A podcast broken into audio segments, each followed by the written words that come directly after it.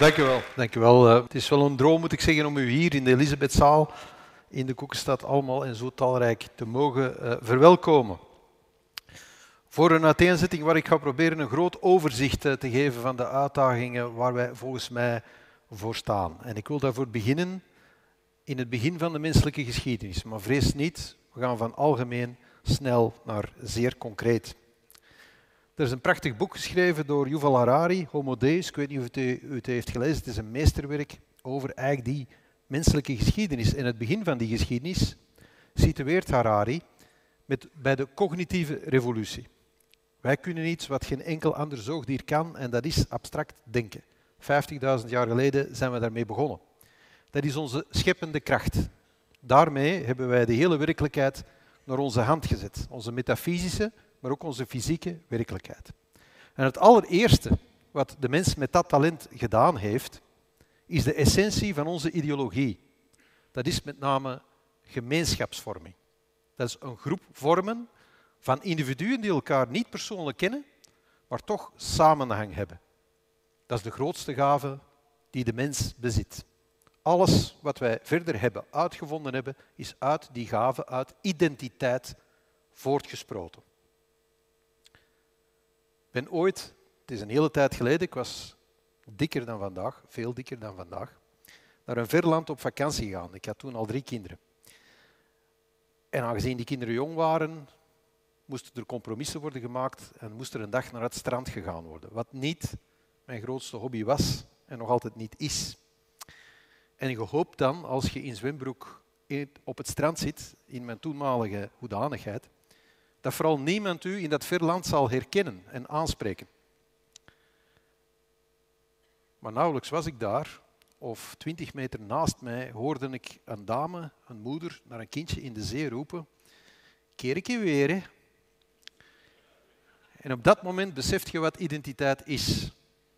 Want ik weet op dat moment onmiddellijk van waar die dame komt. Zij spreekt Nederlands, maar ze is geen Nederlandse.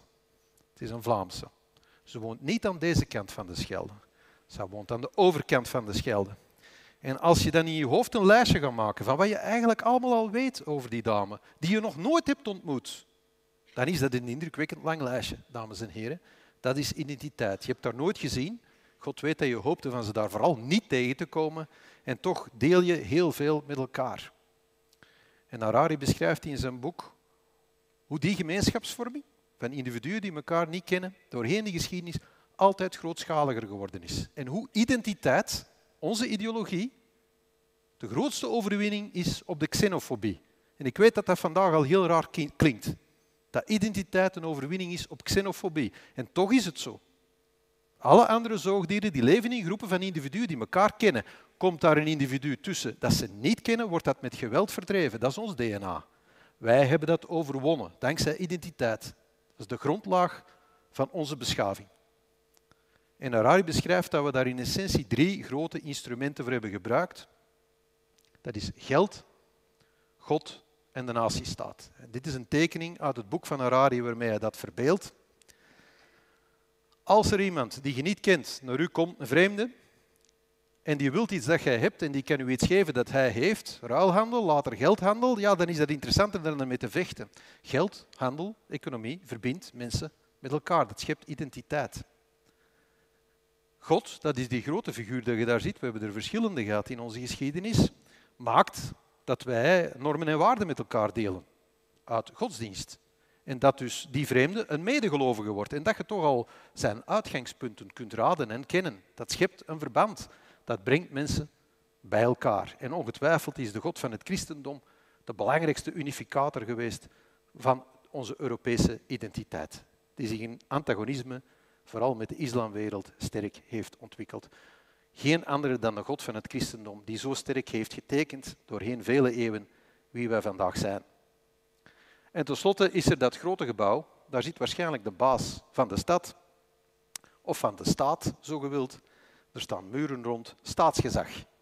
Als wij dezelfde bazen hebben, dan moeten wij dezelfde regels volgen. En dan worden wij medeburgers van elkaar. En ook dat schept identiteit. Dat zijn de drie grote instrumenten. Wel nu, in mijn inleiding wil ik vooral duidelijk maken dat twee van die drie ondertussen in de lappenmand zijn beland. En dat dat toch problematisch is. Ik begin met God, de God van het christendom. We weten allemaal, we kennen onze geschiedenis. De godsdienstoorlogen, de 80-jarige oorlog in ons geval, de scheiding der Nederlanden, jammerlijke gebeurtenissen. 1585, de val van deze stad. De meest dramatische gebeurtenis uit uh, onze geschiedenis. Maakt dat voor het eerst mensen beginnen nadenken over die rol van God van het christendom. En de allereerste die was van deze stad, dat was uh, Franciscus van den Ende.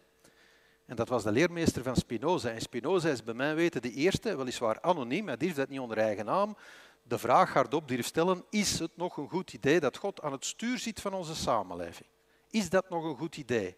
Brengt hij ons nog tot eenheid of brengt hij ons in conflict? En moeten wij niet meer als mens zelf aan het stuur van de samenleving gaan staan? Ik bespaar u een lange geschiedenis, dit is het begin van de verlichting. De verlichting die natuurlijk met de Franse revolutie een versnelling gaat maken. En zo begint er een proces van zeker de laatste 200 jaar, waarbij die God van het christendom langzaam naar zeker achteruit gaat. Van het stuur van onze samenleving naar de passagiersstoel, naar de achterbank, stilaan in de kofferbak. En de toekomst voor hem ziet er niet zo geweldig goed uit. Ik weet niet of dat u, onze lieve neer, nog van het kruis biedt. Ik ben katholiek grootgebracht, ik zal altijd katholiek blijven. Maar nu zeggen dat uh, ik de indruk heb dat mijn kinderen teruggaan naar het geloof en dat het geloof alles bepalend is voor wie dat ze zijn, dat is niet waar. Onze God is vooral een gezellige God geworden. Hij brengt ons heel veel chocolade met, met Pasen, we hebben ze net gehad. Hij gaat ons nog een kalkoen brengen met kerstmis, hij brengt ons gezelligheid, hij brengt ons sfeer.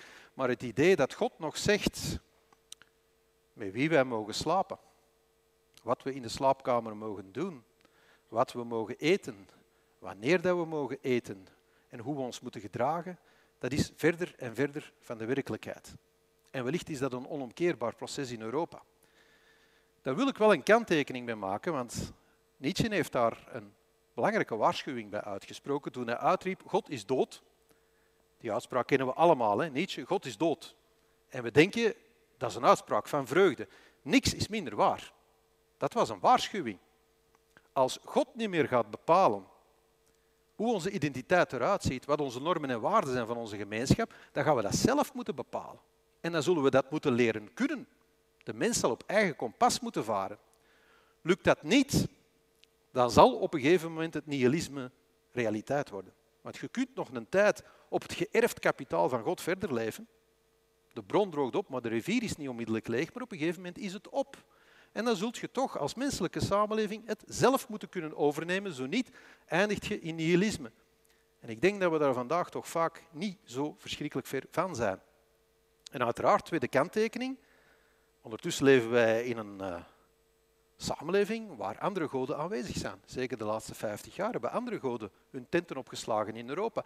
Goden die niet dat verlichtingsproces hebben doorgemaakt die niet altijd zo gezellig zijn als de God van het christendom, die nog veel meer bepalen bij gelovigen hoe genderidentiteit wordt bepaald, wat het belang daarvan kan zijn, hoe een ouder ten opzichte van kinderen staat, een individu ten opzichte van een groep, een man ten opzichte van een vrouw, hoe hiërarchie in elkaar zit. En dat wringt. En we weten eigenlijk niet meer zo goed hoe we daarmee moeten omgaan.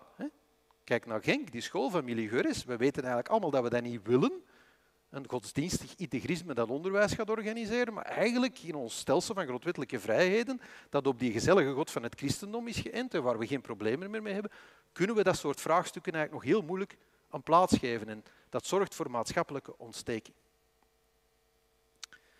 De tweede die in de lappenmand ligt, is de natie. Naarmate God achteruit ging na de Franse revolutie, kwam de natie naar voren. Als belangrijke invulling van hoe onze identiteit, hoe onze gemeenschapsvorming eruit ziet. We gaan van het ancien regime, de standenmaatschappij, God, traditie, standenmaatschappij, naar de moderniteit. De democratie, de liberale grondwetten worden geschreven, burgerschap. En die naties die leggen steeds meer een claim op de gemeenschap die hen herbergt. En die naties die worden in de loop van de 19e eeuw echte imperia begin van de 20e eeuw beheerst Europa 80% van het wereldoppervlak. Onvoorstelbaar. Dat is het imperialisme, het kolonialisme, waarvan we nu weten, uiteraard met de wijsheid van vandaag, dat het fout was. Maar er ging wel een enorme unificatie vanuit. Minstens dat moet je zeggen. 20e eeuw enten op belangrijke naties zich ook belangrijke ideologieën. Het kapitalisme, het nazisme, het communisme. Het nazisme op Duitsland, het communisme op Rusland, later de Sovjet-Unie. En dat leidt ons uiteraard tot de grootste gruwelen van onze geschiedenis, de Gulag, Auschwitz. En is het dus ook niet onlogisch dat na de Tweede Wereldoorlog, net zoals Spinoza in de 17e eeuw, mensen, vooral in Frankrijk, Derrida, Foucault, beginnen zeggen, ja maar als God dood is, hebben we het dan zonder God zoveel beter gedaan? Nee, we hebben het nog veel slechter gedaan. En dus de mens is dood. En we moeten opletten met identiteit, met die creatie, met die scheppende kracht. Want uiteindelijk leidt dat altijd tot iets ongelooflijk negatief. En sindsdien wordt eigenlijk elke metafysische grondslag van gemeenschapsvorming, van onze ideologie, aangevallen en ondergraven. En de essentie van mijn inleiding is dat sinds mei 68 deze manier van denken, die men het postmodernisme noemt, ancien regime, moderniteit, postmoderniteit, dat die overheersend is geworden in de intellectuele bovenlaag van Europa, in alle academische milieus, in de milieus die onze krantenredacties bevolken, zeker die van onze kwaliteitskranten. Die redacties zijn inwisselbaar geworden voor elkaar. Bij onze grote cultuurmakers, culturele elite, opiniemakers is deze manier van denken veruit de overheersende manier van denken geworden. De postmoderniteit. Wat John Lennon heeft gezongen. Imagine there's no country and no religion too.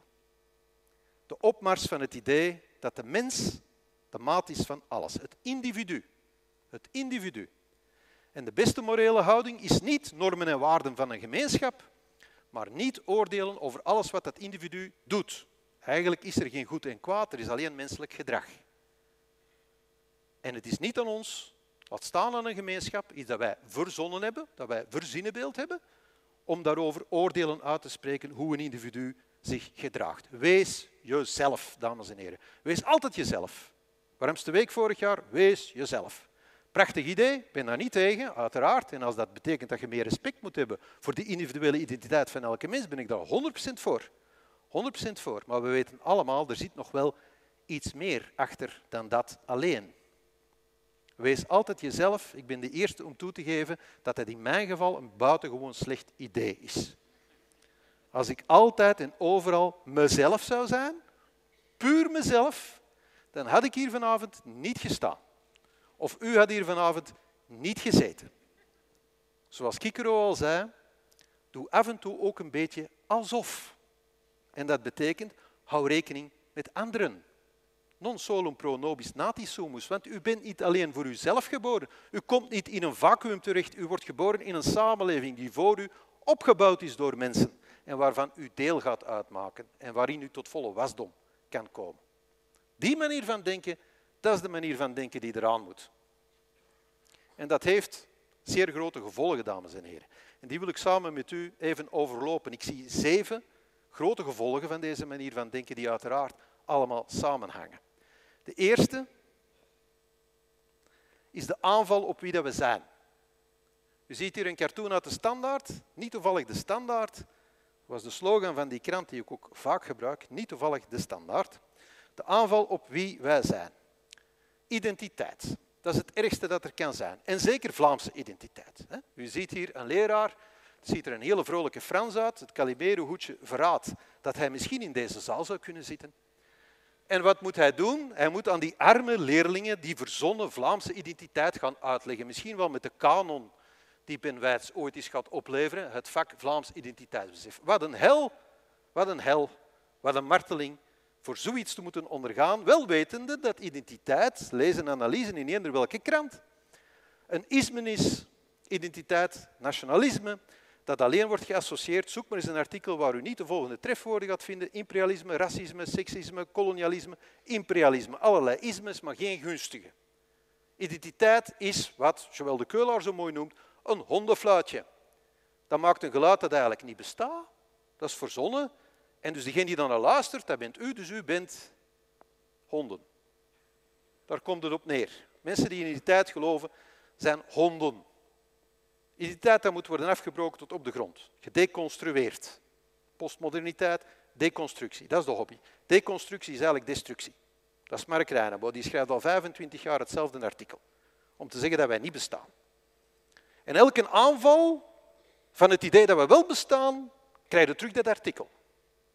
Onlangs oorlog in Oekraïne, plotseling een volk. Een volk dat recht staat. Een volk dat vecht tegen de overmacht, dat zich niet laat doen. Dat uiteindelijk zegt, dit lapje grond, dat is van ons. De geschiedenis heeft ons dat gegeven. We hebben veel meegemaakt, maar dit is het. En wij hebben hier op een groep gevormd, een gemeenschap. Wij hebben een taal, wij hebben een geschiedenis, wij delen dat. En dat is niet zomaar een vacuüm, we hebben dat opgevuld met waarden. Westerse waarden. Wij kiezen voor de democratie. Wij kiezen voor de verlichting. Wij kiezen niet voor het despotisme van Poetin. En we zijn bereid ons leven daarvoor te geven. Wow.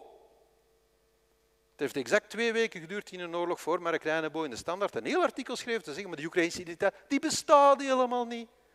Dus daar moet je zeker geen inspiratie uitputten. En er is niks zo erg als de Vlaamse identiteit. In heel Europa wordt u soms nog wel wat identiteit gegund, maar zeker niet die van ons. Dat is de ergste van allemaal. En waarom? Als je niet gelooft in identiteit, niet gelooft in gemeenschapsvorming en de positieve kracht die je daaruit put, in burgerschap, dan is België het beste land van de wereld. Dan is België het beste land van de wereld. Ceci n'est pas un pays. Als je geen enkel kans wilt lopen op een nationaal réveil, dan is België schitterend. En het nieuwe Belgicisme, dames en heren, is dan ook niet het oude dat u misschien nog kent van vlag, groet en vaderland. Dat is belachelijk. Daar geloven ze niet meer in. Het nieuwe Belgicisme is juist die postmoderniteit. Het niet geloven in een land. Het koesteren van België omdat het geen land is. Omdat het niet bestaat. En zij die er tegenin gaan, dat zijn wij dus, dat zijn de ergste mensen denkbaar. Afbraak van deze tempel, van wat ooit de hele wereld zou moeten worden. Individuen zonder identiteit, zonder gemeenschapsgevoel. Die allemaal als cosmopolieten vrolijk individualistisch over de planeet wandelen en veranderen in kopieën van elkaar. Twee landen met een McDonald's hebben nog nooit oorlog gevoeld, gevoerd, zei John Friedman. Ja, pech, hè? zijn er nu twee in oorlog met elkaar. Hè? Maar dat was het idee. Dat was het idee. Allemaal naar Macworld. En dan mag Vlaanderen toch niet in de weg staan. En België, daar zijn we bijna. Dat is het nieuwe Belgicisme. En dat verklaart wellicht waarom wij hier niet alleen zijn in deze zaal, maar waarom volgens mij, maar spreek me tegen, u zich behoorlijk eenzaam voelt als u een Vlaamse krant leest. Of een Vlaams weekblad. Of op de afspraak naar de twintig mensen die er altijd in de fichebak zitten, eh, de opiniemaker en de cultuurdrager luistert, dan heb je het gevoel, ik heb niet het gevoel dat hij zegt wat ik denk. Ik heb het gevoel dat hij dat continu tegenspreekt. Ik heb het gevoel dat hij mij uitlacht. Ik heb het gevoel dat hij op mij neerkijkt. Wel nu, dames en heren, dat is ook gewoon zo. Want u bent fout als u nog gelooft in identiteit. En dat betekent niet alleen dat u intellectueel fout bent, u bent ook moreel fout. U bent een hond die naar dat fluitje luistert. U moet uw gedrag verbeteren. De moral high ground. Dat is wat de postmodernisten graag kamperen, op de moral high ground. En vanuit die high ground kijken ze op ons neer. Ik vroeger met Almaty moest debatteren, kwam er altijd zo de lachje bij. Dat lachje was zo de morele superioriteit van. Allee, zijn standpunten. Die zijn niet alleen fout, die zijn ook echt moreel verkeerd. U weet dat de Ronde van Vlaanderen hier in Antwerpen start. We delen dat nu met Brugge, want wij zijn vriendelijke mensen. En dus in april, voor wie erbij was, hier in Antwerpen, betekent dat dat wij een gele tapuplein op de Grote Markt leggen. Dat wij de Grote Markt omzomen met leeuwenvlaggen dat onze partij petjes uitdeelt. Mensen nemen die gretig aan, er staan een leeuwenvlag op. 10.000 mensen, 8.000 mensen met zo'n petje. En dan komen de ploegen op het podium gereden. En de presentatie was in handen van Lien de Merkpoel, die ik een zeer sympathieke dame vind. Ik bedoel dat niet cynisch, ik zeg dat er voor alle zekerheid bij. En de Lien de Merkpoel die zegt, ja, dit is zo weer een Belgische hoogdag. En we gaan straks de Belgische ploegen op het podium roepen. En dan komt misschien de Belgische kampioen komt eraan. Wat zou het toch goed zijn, moest er een Belg vandaag winnen. Dan denk ik, Linde, uh, sympathiek, maar, is de tapuplein niet geel genoeg voor u? Wat scheelt er met het adjectief Vlaams? Veel. Ik denk dat hij denkt, als ik dat zeg, dan komt er zwavel uit de grond. Belgisch, dat is safe. Dan komt er niks uit de grond. Maar niet Vlaams. Alsjeblieft, niet Vlaams. Ik zat onlangs in dat programma Bel Riyad. Dat is een presentatrice van de VRT, een jonge, mooie, blonde dame. Woont in Brussel, in Molenbeek, voelt zich daar fantastisch thuis, heb er allemaal geen problemen mee. Maar Vlaams voelt ze zich niet, want Vlaams, oef, ja, oef, Vlaams. Ik zeg, en, en, ja, ik ken u eigenlijk niet, wat presenteert u? Ah, Vlaanderen vakantieland. Maar dat is voor mij iets geografisch. Zeker geen idee. Stel u dat voor. Zijn dat slechte mensen? Nee, dat zijn geen slechte mensen, maar dat zegt u iets over de omgeving waarin die functioneren. Over de ideeën die daar de ronde doen en die ze allemaal van elkaar kopiëren. Dat is de postmoderniteit. Het absolute dieptepunt, dames en heren, op dat vlak was het edito van Knak, waarin stond racisme zit in het Vlaamse DNA. Stond daarin. Edito. Ik heb gedacht, goed, dat worden dringende redenen hè, voor de hoofdredacteur. Want dat is nogal een statement, hè? dat is racisme op zichzelf. In ons DNA, dames en heren. Hoe moreel fout kun je eigenlijk zijn? Hier is zelfs geen verbetering meer mogelijk. Vanaf dat je associeert met Vlaanderen, zit het in uw DNA. Dringende redenen. Ik lees de krak nog maar voor één reden. Ik lees dat niet, dat is om te zien dat hij er nog zit. Je zit er nog altijd. Dus blijkbaar in de peergroep van die mens vindt men dat best een oké gedachte. Misschien wat straf verwoord, maar het zit echt wel in de juiste richting, hoor, dames en heren. Weg met dat Vlaams gevoel, weg met identiteit, weg met de morele foute die u bent. De aanval op wie dat we zijn. Twee, de aanval op wie wij waren. Dat is bijna een obsessie geworden. Want als je identiteit wilt uitvegen, dan moet je beginnen met het tapijt van onder mensen hun voeten weg te trekken en dat is hun verleden aanvallen. Hun verleden historisch onteigenen. Onteigenen. Mensen cultureel historisch onteigenen. Dat is een obsessie geworden. En vooral historici doen dat. Historici schrijven geen boeken meer over hoe het vroeger was. Doen ze niet meer. Ik heb nog op een faculteit geschiedenis gezeten. Hè. Ik heb die omslag zien gebeuren. Daar niet meer schrijven over verhalen over hoe het vroeger was waaruit mensen misschien iets zouden kunnen afleiden over wie wij zijn, laat staan trots zouden kunnen scheppen op wie we vroeger waren. Wat is het beste boek over geschiedenis dat u dit jaar hebt gelezen? Kom, Luc, jij bent een cultuurmens. Ja. Over Antwerpen. Goed. Iemand anders? Paul? De Bourgondiërs. Niet geschreven door een historicus, hè? Wat schreven de academische historici over dat boek? Slecht boek over de groten der aarde. Wie schrijft nu nog zoiets? Je zou er trots kunnen uitscheppen over onze voorvaderen en alles wat die hebben gepresteerd. Dat doen we niet meer. Wij deconstrueren het verleden om vooral te zeggen hoe slecht dat we wel niet waren. Dat is wat historici vandaag doen. Die schrijven onleesbare boeken die niemand leest. Dat doen historici tegenwoordig.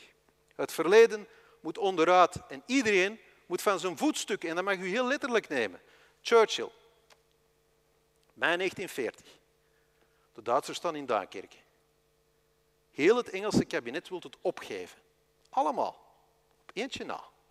En die gaat naar het parlement. En die spreekt woorden die we vandaag allemaal in deze zaal kennen.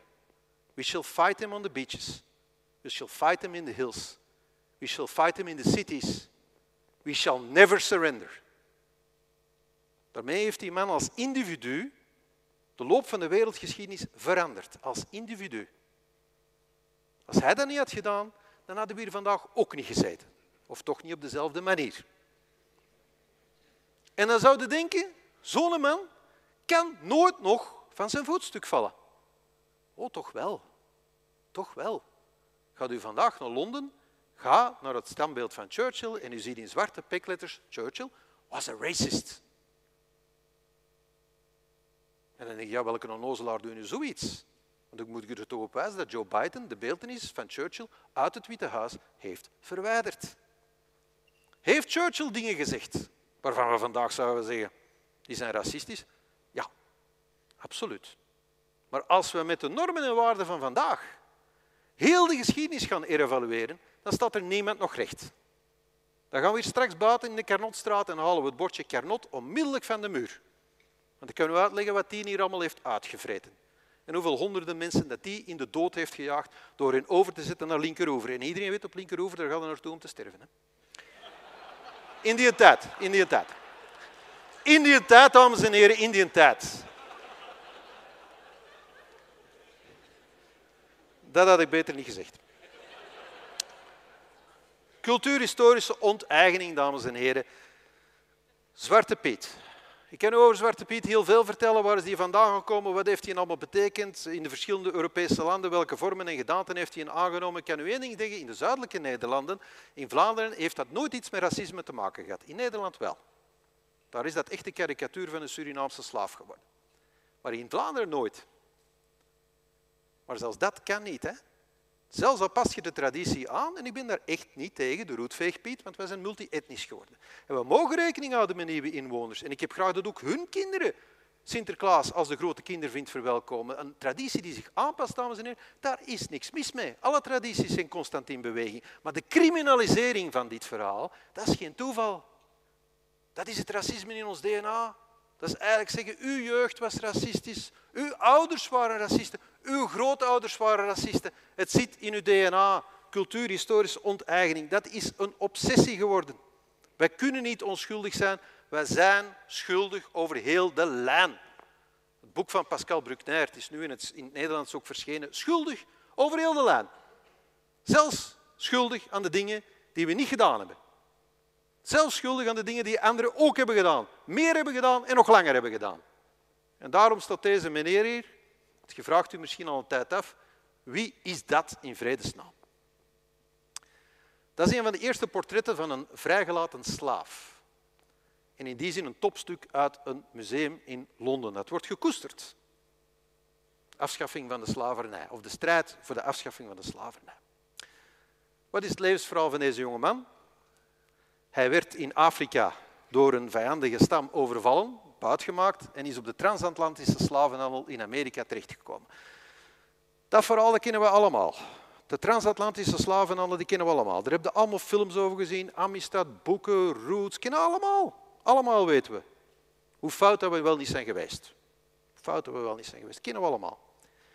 Man komt in Amerika aan, zijn vader begint brieven te schrijven, ik wil mijn zoon terug. Brieven worden opgepikt in Londen, filantroop legt geld op tafel, hij wordt vrijgekocht, komt over naar Londen en dit portret wordt van hem gemaakt. Iets minder bekend is hoe het verhaal dan verder gaat. Meneer gaat terug naar Afrika en stapt in het familiebedrijf sinds vele generaties een slavenhandel. Heeft de rest van zijn leven slaven gevangen en slaven verkocht. Iets minder bekend aspect van het verhaal. Vrijwel niet bekend aspect van het verhaal. Hoe komt dat? De slavenhandel historisch zijn drie componenten. De Europese, die kennen we allemaal. Dan heb je de Arabische en de Zwart-Afrikaanse, daar weten wij vrijwel niks van. Tot eind 18e eeuw, dames en heren, waren er meer blanke slaven op de wereld dan anders gekleurde slaven. Zeker de Arabieren waren tuk op blanke slaven. Bent u ooit in Istanbul? Er zit een gids hier op de eerste rij die u kan rondleiden in een topkapie-kasteel. En die zal u dan eh, rondleiden in het haremcomplex, wat eigenlijk een gevangeniskasteel is. Dat staat vol blanke vrouwen, blanke slavinnen, geroofd door de Ottomanen om de sultan te dienen. Ik kan u dat aanbevelen, dat is een topbezoek. Prachtige stad. Eén ding moet ik u afraden, dat is bij buiten gaan aan dat museum, vragen, zeg, hebben wij hier al een sorry voor gekregen? Ik denk dat dat geen goed idee is. Je kunt dat proberen. Hebben wij hier al een sorry voor gekregen? De kans dat men u begrijpt is klein. De kans dat men u voor die vraag waardeert, nog veel kleiner. Er zijn veel Afro-Amerikanen, die kennen we allemaal, de nazaten van de Afrikaanse slaven naar Amerika. Er zijn weinig Afro-Arabieren. Hoe komt dat? Omdat Afrikaanse mannen systematisch werden gecastreerd. Het idee dat dat DNA zich zou verspreiden in de Arabische wereld werd ondenkbaar geacht. Dus ook in vreedheid moesten wij nu niet bepaald onderdoen voor alle anderen kan wel één zeggen dat wij wel hebben gedaan. Dat is de slavernij afschaffen. 1848 in Europa gezegd, wij doen dit niet. Dit doen we niet meer. En we hebben onze stinkende best gedaan om de rest van de wereld daarvan te overtuigen. We gaan binnenkort voetballen in Qatar. Ik ben nog niet overtuigd dat het ons gelukt is om iedereen ervan te overtuigen dat slavenhandel ethisch niet meer kan. Ik ben er zelfs nog niet van overtuigd dat dat gelukt is. Maar de enige die vandaag nog elke dag zich schuldig moet voelen dat bent u die nooit slaven heeft gehad ten opzichte van mensen die nooit slaaf zijn geweest. Hoe komt dat? Dat is de aanval op wie wij waren. Systematisch. Hoeveel slaven zijn er in Vlaanderen ooit verkocht? Wie weet dat? Hoeveel slaven zijn er ooit verkocht in Vlaanderen? Nul. Er is nooit slavenhandel geweest. Antwerpen, 16e eeuw, Gouden Eeuw, heel veel zwarte Afrikanen aanwezig in Antwerpen. Die kwamen mee met de Portugezen. Op een gegeven moment, ik ben een boekje aan het voorbereiden over de geschiedenis van Antwerpen, hopelijk in de boekhandel tegen kerstmis, het zal eerder, het zal eerder Pasen volgend jaar zijn, maar het is eigenlijk in essentie ook weer een boek over identiteit. Op een gegeven moment komt zo'n Portugese koopman naar de Antwerpse magistraat, de schepen, en die zegt, mijn slaaf is gaan lopen. Zouden die alsjeblieft willen vangen? En de magistraat antwoordt, meneer, zoekt hem zelf, daar houden wij ons niet mee bezig. Geschiedenissen die onbekend zijn, dames en heren. Onbekend. Jij kunt alleen schuldig zijn. De afbraak op wie wij waren. En als bijgevolg uiteraard de cancelcultuur. Amsterdam, de zaal van de Gouden Eeuw in het museum. Gouden Eeuw! Hoe durft je? Dan gingen wij de wereld rond en deden we niet anders dan andere mensen misbruiken. Noemt dan een keer de zaal van de 17e eeuw. En nu ga ik naar dat museum en ga ik vragen, hoe kan dat dat dat in de christelijke tijdrekening is? En dat u geen rekening houdt met alle andere mensen die hier niet christelijk zijn. Die zaal die moet weer van naam veranderen. En ik zal niet stoppen vooraleer dat dat de zaal is van wat 400 jaar geleden fout gebeurd is door witte mensen. Want daar gaan we uiteindelijk eindigen, dames en heren. Zo absurd is het, maar daar gaan we eindigen. Ik heb ooit op de zevende dag een debat gehad met Frank van den Broek, meer dan tien jaar geleden. Ik gezegd dat je zo voortdoet, dan gaan we uiteindelijk zelfs niet meer naar Peter Pan kunnen kijken. Hij vond dat toen belachelijk, ondertussen realiteit. Nummer drie. Als je niet gelooft in wie dat je bent, gelooft niet in wie dat je was, dan impliceert dat uiteraard dat je heel veel onrecht hebt gedaan aan heel veel mensen. Imperialisme, kolonialisme, ik moet het u niet uitleggen, seksisme. Dat opent de weg naar een soort nieuwe apartheid die zich vandaag aan het verwezenlijken is in onze samenlevingen, in heel de westerse wereld. Een apartheid tussen daders en slachtoffers, slachtoffergroepen. En Joris Luijendijk is zo vriendelijk geweest om de apex predator van de daders te definiëren. Hier is hij, dames en heren. Dit is de zeven vinkjesman. Ik weet niet of u dat gevolgd heeft. Als je die zeven vinkjes hebt, ik waarschuw u op voorhand, dan bent u door en door fout. En dan moet u uw hoofd in uw schouders laten zakken en onder het schuldgevoel van honderden jaren misdadige geschiedenis gebukt door het leven gaan. Als u geslaagd bent in het leven, hebt u dat niet aan uzelf te danken, alleen maar aan uw geprivilegeerde positie en de misdaden van uw voorouders. Besef dat goed. Zo is het en niet anders. U bent hoogopgeleid, u bent hetero, je kunt pech hebben, u bent man, u woont in de stad, u spreekt ABN, u bent blank met een asterix, want wij zijn de enigen die onze eigen huidskleur niet mogen benoemen, wij moeten zeggen wit. Blank is om een of andere reden racistisch, ik begrijp niet waarom, ik kan het u niet uitleggen, maar het is zo. En u hebt hoogopgeleide ouders, wel, dan hebt u pech. Dan hebt u geen enkel excuus. En Luijendijk zei, de wever is een typische, typische zeven vinkjesman. Die man is ongeschikt om leiding te geven. Hij vergist zich, want ik ben een zesvinkjesman. Mijn vader was een spoorwegarbeider. Als je dacht dat ik uit de kast ging komen, pech.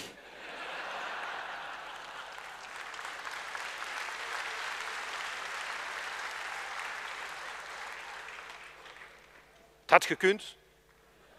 Maar mijn vader was een spoorwegarbeider, ik heb maar zes vinkjes. De ultieme dader. Wilt je slachtoffer zijn? Is heel simpel. Hoe minder vinkjes dat je hebt, hoe meer dat je verandert in een slachtoffer. Ultieme dader, ultiem slachtoffer. Hebt u geen één van al die vinkjes, dan bent u het grootste slachtoffer dat je kunt uh, inbeelden. En hoe meer dat je slachtoffer bent, hoe minder dat je kunt verkeerd doet. Want slachtoffergroepen die verleent men als het eerste wat men ons ontzegt, dat is met name identiteit. Heel raar. In Amerika noemt men het identity politics. Men benadert mensen als gemeenschappen, met name slachtoffergemeenschappen. De dadergroep en de verschillende slachtoffergemeenschappen. Pascal Bruckner, ik heb hem al aangehaald, die schrijft in zijn boek een heel bouwde stelling. Die zegt, sinds de wetten van Nuremberg is er niet meer zoveel over ras gesproken dan vandaag. Heel straffe, eh, heel straffe stelling, maar hij kan ze goed onderbouwen. En daar wordt opnieuw een apartheid uit naar voren gebracht. Het is om de omgekeerde redenen dan toen, maar de gevolgen daarvan zijn even nefast. Zelfafwijzing, dames en heren, is met name iets dat wordt opgepikt. Als je jezelf afwijst als ja, slechte voorouders, slechte identiteit, zeven vinkjes, dus wij zijn slecht, dat is niet neutraal. Dat is een boodschap die wordt opgepikt door degene waar je die boodschap uit, op, op afzendt. En niks is zo verleidelijk dan slachtofferschap. Want slachtofferschap dat ontslaat u van heel veel verantwoordelijkheden en dat bezadelt anderen heel veel verplichtingen op jegens u. Dat is de gemakkelijke weg. Als u daar smakelijke anekdotes over wil horen, dan moet u Asita Kanko horen spreken. Die kan daar geweldig over spreken. Hoe ze zegt, ik ben blijkbaar een slechte zwart-Afrikaanse vrouw, want ik ben geen slachtoffer, ik wens dat ook niet te zijn. Ik vind dat fantastisch. Ik ben naar Europa gekomen, ik heb hier alles gezocht wat ik in mijn eigen land niet vond. Namen, de waarde van de verlichting. Ik heb hier alle kansen gekregen, ik heb er moeite voor gedaan. Er is mij niks in de weg gelegd, ik vind het hier geweldig. En ik ben dankbaar. Oef, oef, we kunnen zo verkeerd zijn. We kunnen zo verkeerd zijn. Zelfafwijzing, dat wordt opgepikt. Slachtofferschap, dat wordt uiteraard met twee handen aangenomen. En dat verklaart als u de Black Lives Matter betogingen ziet, waar ik eigenlijk niks tegen heb. Niemand moet racisme pikken. Hè. En er is racisme in onze samenleving, laten we wel wezen. Hè. Het is er. Hè. En niemand moet dat verliefd nemen. Maar de woede die uitging van die jonge mensen, de woede, dat hen moest gegeven worden wat hen door ons blijkbaar wordt ontzegd, dat is echt niet normaal. En dat is een woede die wij voeden. Op 1 maart verscheen er een column in de Standaard, niet toevallig de Standaard, van een Congolese dame die met een apex is getrouwd. En ze heeft twee kindjes. Het ene kindje, genetisch toeval, is blank en het andere gekleurd. En ze beschrijft in de column hoe ze het gekleurde, uh, het blanke kindje in bad zet. En ze vraagt aan dat kindje, wat vind jij nu de mooiste kleur? En dat kindje zegt, wit, blank. Dame schrijft een column in de Standaard, het racisme in mijn zoon. Dat was de titel. En ik hoor u, amai. Ten eerste dat zoiets wordt gepubliceerd, niet toevallig de standaard. Maar dat zo iemand zoiets denkt, is dat abnormaal? Als racisme in ons DNA zit, ja, dan heeft ze het verkeerde DNA doorgegeven. We zeggen het toch zelf. Dat is dan ook een perfect normale redenering. Daar moet je niet van schrikken dat zoiets wordt opgepikt. Je hebt het er eigenlijk zelf ingelepeld. In Gent is er een werkgroep dekolonisatie aan de slag gegaan. Vroeg mijn collega, collega, ik zeg, ik wist niet dat Gent een kolonie was. Hij zei, maar nee, we zijn geen kolonie. Ik zeg, ik wist niet dat je nog kolonies had. Nee, maar wij hebben geen kolonie. Ik zeg, waarover gaat dat? Ja, 60 jaar geleden hebben we ooit een kolonie gehad. En 60 jaar later moeten we altijd dekoloniseren in onze geest. En dan hebben ze dus 30 mensen met een universitair diploma, waarschijnlijk vele van dat type samengezet, die allemaal schuldig over de white privilege hebben nagedacht, wat moeten we doen? Nu moet u dat rapport van die mensen lezen, dat is Animal Farm, hè, dat die hebben geschreven. Hè. Ik heb daar geen andere woorden voor, hè, wat daar allemaal in staat. Over geracialiseerde personen en dat de witte suprematie moet stoppen en dat, dat de politie altijd voorrang moet geven aan geracialiseerde personen en geloofwaardigheid moet hechten aan eerder, enzovoort, enzovoort, enzovoort. Tot en met de bibliotheek waar men dan in gaat en zegt, ja, die boeken, dat is allemaal wat problematisch. Pipi Lankaus, problematisch. Problematisch kunnen die boeken eigenlijk wel blijven staan in onze bibliotheken. Kan dat? Wat een beeld staat er in die boeken. En dat klopt. Dat klopt. Hergé, Kuifje, zouden we vandaag niet meer doen. Leen zouden we vandaag niet meer doen. Maar die geschiedenis gaan uitwissen, dat is 1984, dames en heren.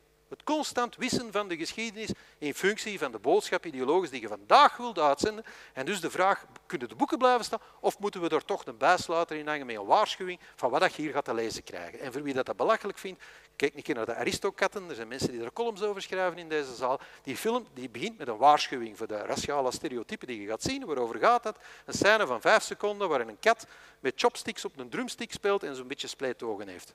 Oeh, Oeh. Denkt u, kan het nog erger? Ja, het kan erger. In Canada heeft men al zo'n boeken, onder andere Kuifje, uit de bibliotheek gehaald. En die boeken die zijn verbrand om een signaal te geven. Dan kom ik terug bij Bruckner en Nuremberg. Wanneer was de vorige keer dat we in Europa boeken hebben verbrand? Wo boeken brennen, brennen am Ende auch Menschen. Heinrich Heine. Het is misschien met andere bedoelingen, maar het is daar waar we dan wel op afgaan. En die manier van denken, dames en heren, is ongelooflijk diep ingecijpeld. Elke dag wordt u daarmee geconfronteerd. Elke dag. Zo vaak dat je het zelfs niet meer merkt. Ik heb, als ik deze lezingenreeks begon, een paar maanden terug, elke dag de krant gedaan. Elke dag opnieuw zie ik, ah, ah, ah. En dus vandaar gaan we nu een hele reeks slides krijgen. Ik ben er op een gegeven moment mee gestopt of de avond zou oneindig duren. Hier. Rel in Duitsland, klimaatjongeren willen een witte artieste met dreadlocks niet op het podium. Wat heeft die dame verkeerd gedaan? Dreadlocks. Dreadlocks zijn geen uiting van blanke cultuur. Maar van, ja, Jamaicaanse cultuur, ik wil het kwijt zijn. Alles is niet, niet van een blanke cultuur. En wat heeft hij nu fout gedaan? Zij heeft een daderprofiel. Het is gelukkig nog een vrouw. Maar ze heeft een daderprofiel. Zij mag niet culturele elementen van een slachtoffergroep overnemen. Dat is ongepast. Ik heb aan Isita Kanko eens gezegd, die jeansbroek die jij daar draagt. Ik vind dat dat eigenlijk echt niet kan. Want jeans komt van jeans, Genua. Denim, denim, van nim. Zeg, dat is geen uiting van uw Afrikaanse origine. Hè? Dat is culturele appropriatie. Zat gelukkig door dat ik aan het zwanzen was. Maar omgekeerd, omgekeerd, ja, schrijven dus kranten daar ernstige artikels over. Herinner u nog K3 met die Egyptische dingetjes? Oeh, hoe durft je als dader u associëren met slachtoffercultuur? Dat doen we niet. Deze kunnen niet gemist hebben. Dat kunnen niet gemist hebben. Will Smith die geeft een peer aan Chris Rock en ik dacht, we zitten safe. Maar helaas, helaas, toch is het racisme, volgens The Guardian. En The Guardian dat is nu niet de streekrand, dat is The Guardian. Want wat schrijft de redactrice? Het feit dat wij er zoveel spel rond maken, rond het feit dat dat gebeurd is, dat is alleen maar omdat witte mensen heel graag zwarte mensen als agressievelingen in beeld brengen. En dus is dat racisme. Dus ik ga aan die dame een brief schrijven. Ik ga zeggen, dus als ik u goed begrijp, als Will Smith een blanke was geweest, was hier geen probleem geweest. En dan hadden we daar waarschijnlijk helemaal niet bij stilgestaan. Het zou kunnen. Een campagne van de overheid. Campagne van de lijn. Overheidscampagnes, dames en heren, die moeten divers zijn. En vergis u niet, ik sta daarachter. Ben burgemeester van een stad waar meer dan de helft van mijn inwoners vreemde roots heeft. En die mogen gezien worden, want wij moeten gemeenschap vormen met deze mensen, anders hebben wij geen toekomst. En natuurlijk moeten die gezien worden. Als de overheid een campagne voert, moeten die mee in beeld komen. Dat is de logica zelf. Tenzij, tenzij het blijkbaar een campagne is om mensen te wijzen op fout gedrag. Dan mogen er geen slachtoffergroepen in beeld komen. Want het idee alleen al dat die mensen fout zouden kunnen zijn, dat is een racistische idee. Dus dit gaan we niet doen. Een campagne voor zwartrijden, no pun intended. Daar mogen blijkbaar alleen maar blanke mensen in voorkomen. Voor mijn deur stopt tram 24. Als ik op die tram stap, dan denk ik altijd, Bart, als je ooit de Verenigde Naties zou moeten toespreken, dan is dit geen slechte plek om te oefenen.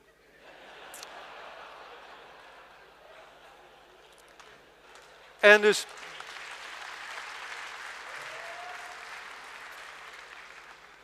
En dus neemt me niet kwalijk. Ik ga het zeggen, hè. Er zit hier iemand van de standaard. Houd uw pen gereed, hè. Ik ga het zeggen, hè. Ik denk dat er af en toe wel eens iemand een ticket niet betaald zou kunnen hebben die er zo uitziet, ik heb het gezegd.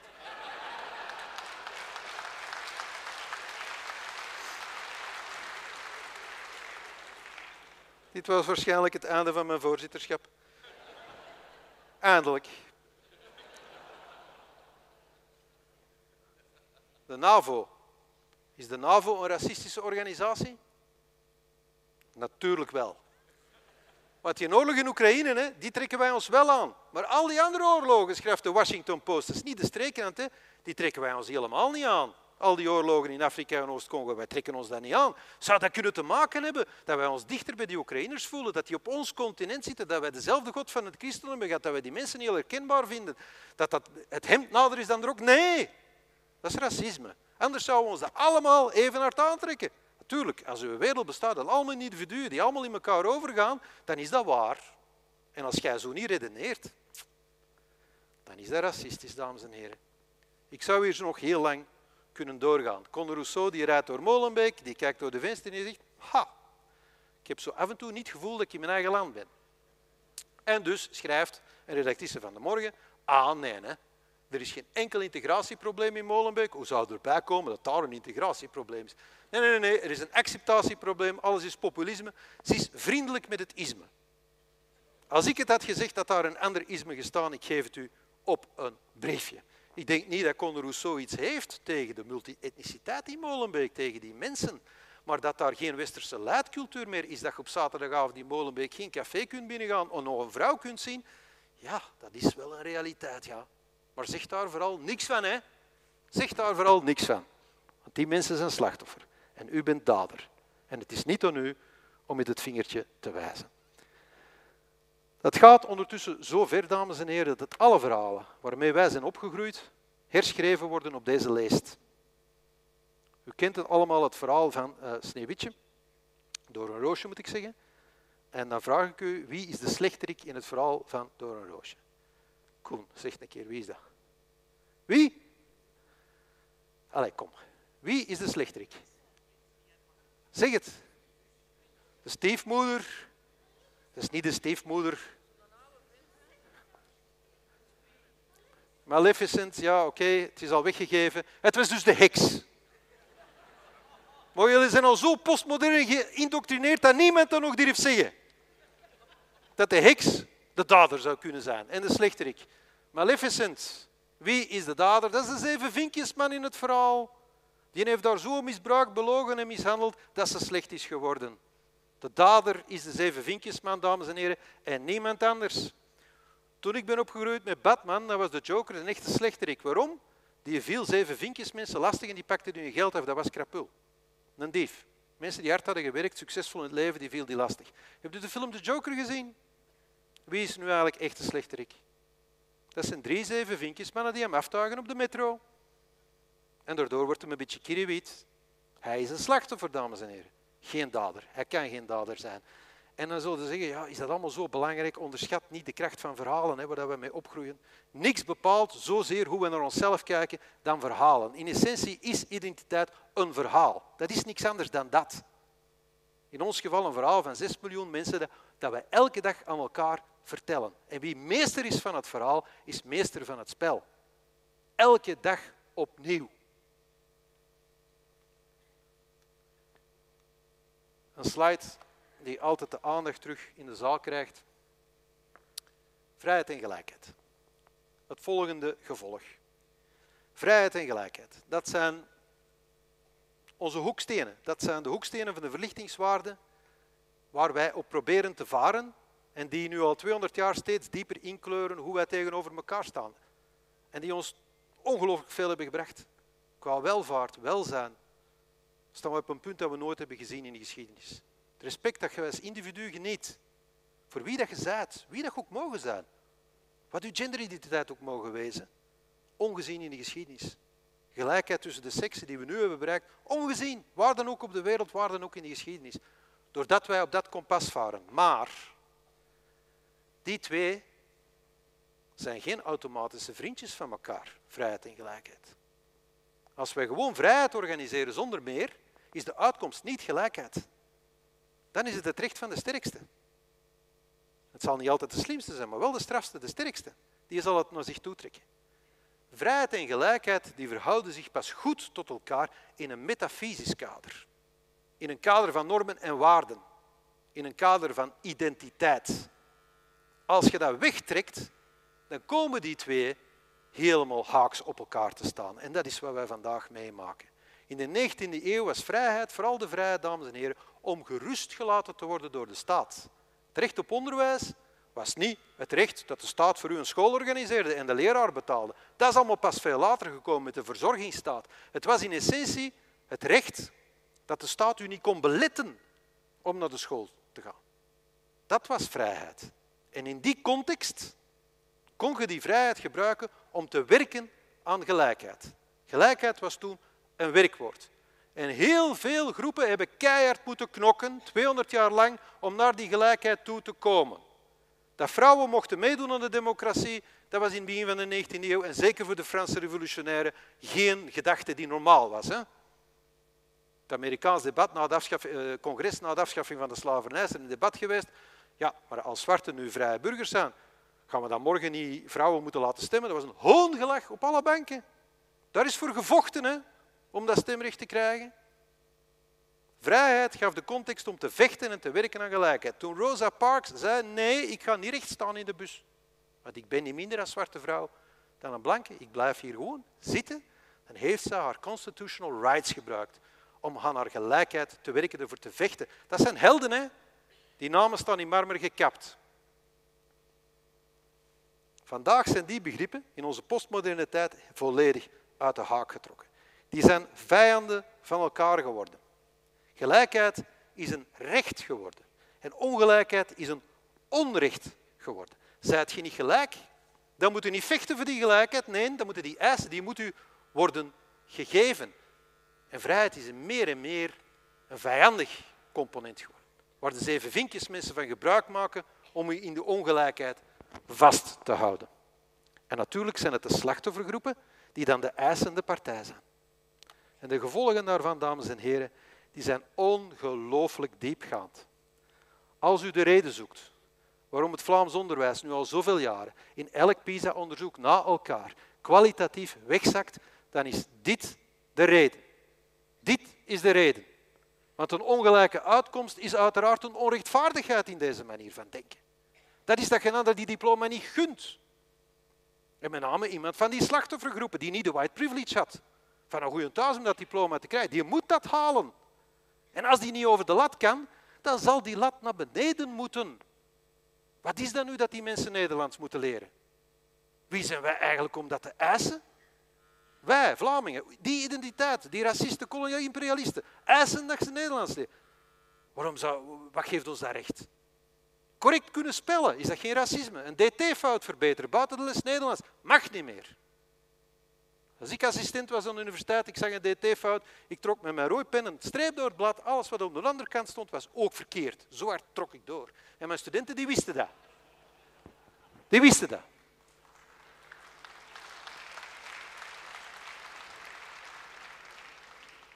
Ik heb zoveel dt-fouten niet gezien. Echt niet.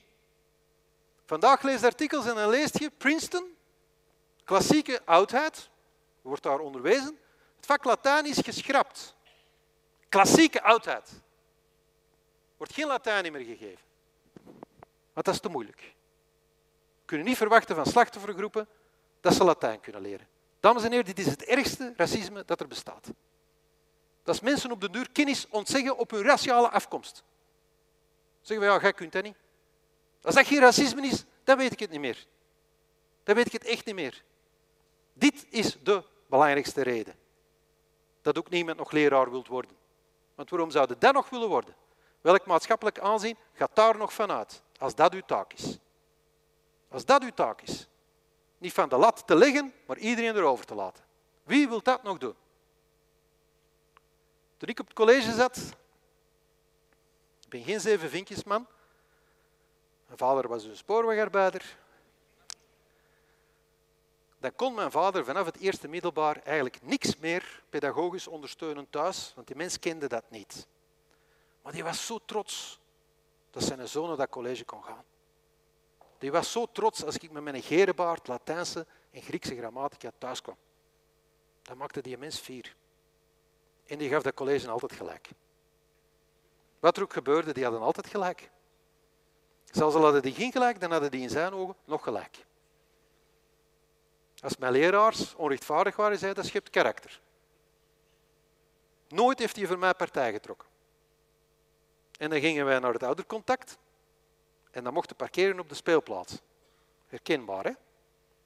En wij reden met een Lada. Onlangs hebben ze die fabriek gesloten. Ik wist niet dat die nog bestond.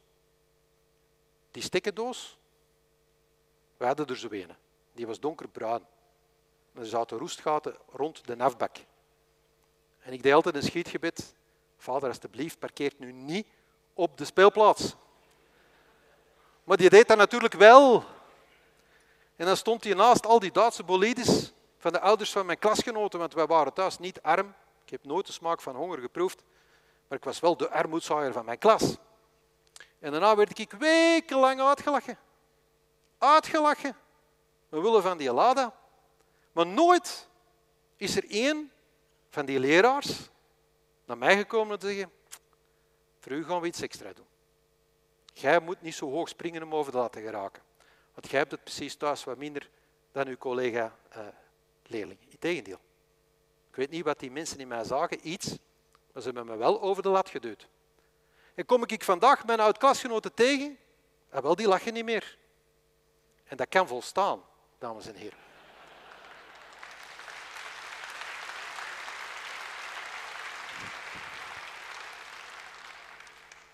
Vandaag geeft mijn vrouw les op een zeer gelijkaardig college, hier in Borgerhout. Zeer gelijkaardig college. Een Jesuitencollege. Ik zat niet op een Jesuitencollege, zij geeft daar nu les. Zij is een zij-instromer, een van de roepelingen van Bindwijds. Zij-instromen, alstublieft. Ze heeft dat dus gedaan. Als ik nu hoor wat de feedback is uit die klassen, wat de attitude is van die ouders, wat er van een leraar vandaag verwacht wordt, dan schrik ik er niet van dat de kwaliteit van ons onderwijs daalt. Zij is nu al voor de derde keer aangeklaagd en moet zich bij de directie verantwoorden wegens een van de ismen die u hier al op het bord hebt zien passeren. Omdat zij, een beetje de geest van het huis, zegt, hier is de lat en jij gaat erover. Wat ik weiger te doen is de lat naar beneden. Wel, dan moet het nu bij de directie komen uitleggen. En word jij door ouders aangeklaagd. Ouders die naar de Raad van State gaan om examenresultaten aan te vechten. Het gebeurt vandaag in ons onderwijs allemaal. Hoe zou het kunnen dat het zo moeilijk is om daar nog mensen voor te vinden? Hoe zou het komen dat de kwaliteit van ons onderwijs naar beneden gaat en wel bij uitstek op Nederlandse taal en rekenen? Hoe zou het komen? Tweede groot gevolg van die vrijheid en gelijkheid die uit de haak zijn getrokken, is de verandering van onze rechtsstaat in een aansprakenstaat. De vrijheid is de grote vijand geworden. Dames en heren, sinds de jaren 1980 stemmen wij in het federaal parlement de ene wet na de andere om een slachtoffergroep te beschermen tegen de vrijheid van de zeven vinkjesmens. De ene na de andere. Antidiscriminatiewetgeving voor elke slachtoffergroep. Maar dat was niet genoeg. Daarna hebben we ook nog instituten opgestart, zoals Unia, voor elke slachtoffergroep, om in rechten te treden, om de rechten van die mensen te verdedigen. En sindsdien zijn er allerlei bizarre vonnissen waar je niet meer uit wijs kunt, die onze rechtsstaat oplevert, die aanspraken zijn, niet meer in de 19e eeuw. Laat mij gerust, zodat ik aan mijn gelijkheid kan werken. Nee, overheid, geef me die gelijkheid. Ik eis ze voor de rechtbank. Ik eis ze voor de rechtbank. En jij gaat ze mij geven op basis van de dwaze wetten die je zelf hebt gestemd om, om, om, uw slachter, om uw daderprofiel af te kopen. Dat is wat er gebeurt. Onze rechtsstaat verandert in een aansprakenstaat. We zijn er nog niet, hè? Volgende gevolg. David Attenborough. De natuur zou beter af zijn als de mens hier helemaal niet was. Dat is een ongelooflijk straffe uitspraak. Hè? Je moet eens tot u laten doordringen. Vind David Attenborough geweldig, hè? begrijp me niet verkeerd. Mooiste natuurdocumentaires die je kunt zien. Maar na een heel leven komt iemand tot deze conclusie dat we ons eigenlijk allemaal beter zouden ophangen. Dat is het beste dat we voor de aarde kunnen doen. Dan zijn we wel ver weg van wat God van het christendom ons geleerd heeft. Hè? Dat wij de rentmeesters zijn van de schepping. Niet de eigenaars. Hè? De rentmeesters, dat is helemaal anders. Hè? Wij zijn de scheppers. De planeet is onze verantwoordelijkheid. Nee, we zijn niet de rentmeesters van de schepping, we zijn de kakkerlakken van de schepping. En het zou beter zijn als wij er niet zouden zijn. Maar hoe kan het ook anders, dames en heren, als je niet gelooft in uw voorouders, als wij niet staan, zoals Newton zei, op de schouders van reuzen, maar op de schouders van criminelen, ja, hoe kan dan de toekomst er goed uitzien? Alles wat we vroeger deden was verkeerd. Wie dat we zijn is niet juist. Ja, hoe gaat dat ooit leiden tot iets dat positief is? Ik heb een vraag voor u, science fiction. De ouderen onder ons die kennen de science fiction nog van de jaren 60, Star Trek. To boldly go where no man has gone before. Dat was ongelooflijk optimistisch. Starship Enterprise, hop, die vliegen door de ruimte, door het hele land, die komen van alles tegen. Maar eigenlijk viel dat altijd wel mee. Kwamen we aliens tegen, in het begin hadden ze daar soms dan wel wat problemen mee, maar uiteindelijk werden die dan vrienden. Ik kon dan zelfs naar, naar bed gaan met die aliens, dat allemaal. Captain Kirk, die kon alles. Wij waren niet alleen de rentmeesters van onze eigen planeet, maar we waren ondertussen bijna rentmeesters van het hele heelal. Ongelooflijk. Wel nu, kent u sinds midden jaren tachtig nog één grote blockbusterfilm of één grote populaire boek waar een positief toekomstbeeld uit naar voren komt? Kent er nog zo een? Terminator? Blade Runner? Alle grote audiovisuele productie, sinds decennia, houdt onze jeugd maar één ding voor, en dat is dat wij onze planeet naar de bliksem gaan helpen. Onze technologie gaat ons uiteindelijk vernietigen. We gaan een virus maken dat zal ons uiteindelijk allemaal veranderen in zombies. Je kunt zo nog doorgaan. Hè. De openingsscène van de nieuwe Blade Runner komt met een voertuig uit de ruimte. Het eerste dat je ziet is Californië, één grote woestijn vol zonnepanelen. De droom van Tine van der Straten.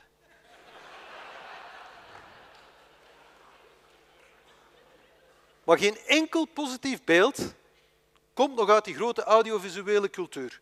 Het absolute pessimisme. Wij gaan naar de apocalyps. En dus dat verklaart waarom dat onze jongeren de schoolbanken verlaten en zeggen wij gaan betogen voor het klimaat. En het klimaat is een absolute doom geworden. Het idee dat wij dat zouden kunnen keren, zoals wij zoveel problemen in onze geschiedenis hebben gekeerd, heel de, de zegentocht sinds de wetenschappelijke revolutie, de renaissance, en zeker de industriële revolutie sinds, sinds 1800, dat is een onwaarschijnlijk verhaal van menselijke innovatie zijn prachtige boeken over geschreven. Norberg, uh, Steve Pinker heeft er prachtige boeken over geschreven. Hans Rosling, bij ons Maarten Boudry. Als je dat leest, zie je dat eigenlijk optimisme is gewittigd over onze toekomst. Misschien moet inderdaad het beste nog komen. We hebben de wijsheid van heel de wereld allemaal in onze achterzak, in onze smartphone. Miljarden mensen hebben dat. En wij zijn unieke wezens, want wij kunnen effectief gemeenschap vormen, connecteren, die wijsheid samenleggen. Wat komt er op ons af? Wel één ding, dames en heren, de apocalyps. Dat en dat alleen komt op ons af. En niks anders. Dat is het postmodernisme voor u. En als je dan denkt, ja, oké, hoe ver gaat dat? Dat gaat zeer ver. Hier in de standaard, niet toevallig de standaard. Zegt men 10% van de Belgen, Belgen uiteraard, tussen de 25 en de 35 wil geen kinderen. Want wie wil er nog kinderen zitten op een stervende planeet? Dames en heren, dit is pathologisch. Hè? Pathologisch. Hè? Ik weet niet voor welke partijen die mensen stemmen. Ik heb een vermoeden, maar dat is uh, iets waar ik verder niet op inga. Maar dit is pathologisch. Hè? Hier kan geen ratio meer tegenop. Het beste dat wij kunnen doen is uitsterven. Ja, dan houdt ieder vooral op de morgen, die moet ik er toch eens even bijsleuren, die publiceren zonder problemen, hè, zie je 11 mei, maand, nog geen maand geleden, een opiniestuk waar een jongen zegt van ja, we kunnen ons niet meer beperken tot vreedzaam protest. Wij zullen die bedrijven moeten binnendringen en we zullen die moeten saboteren. Die publiceren dat. Heel verstandig, hè?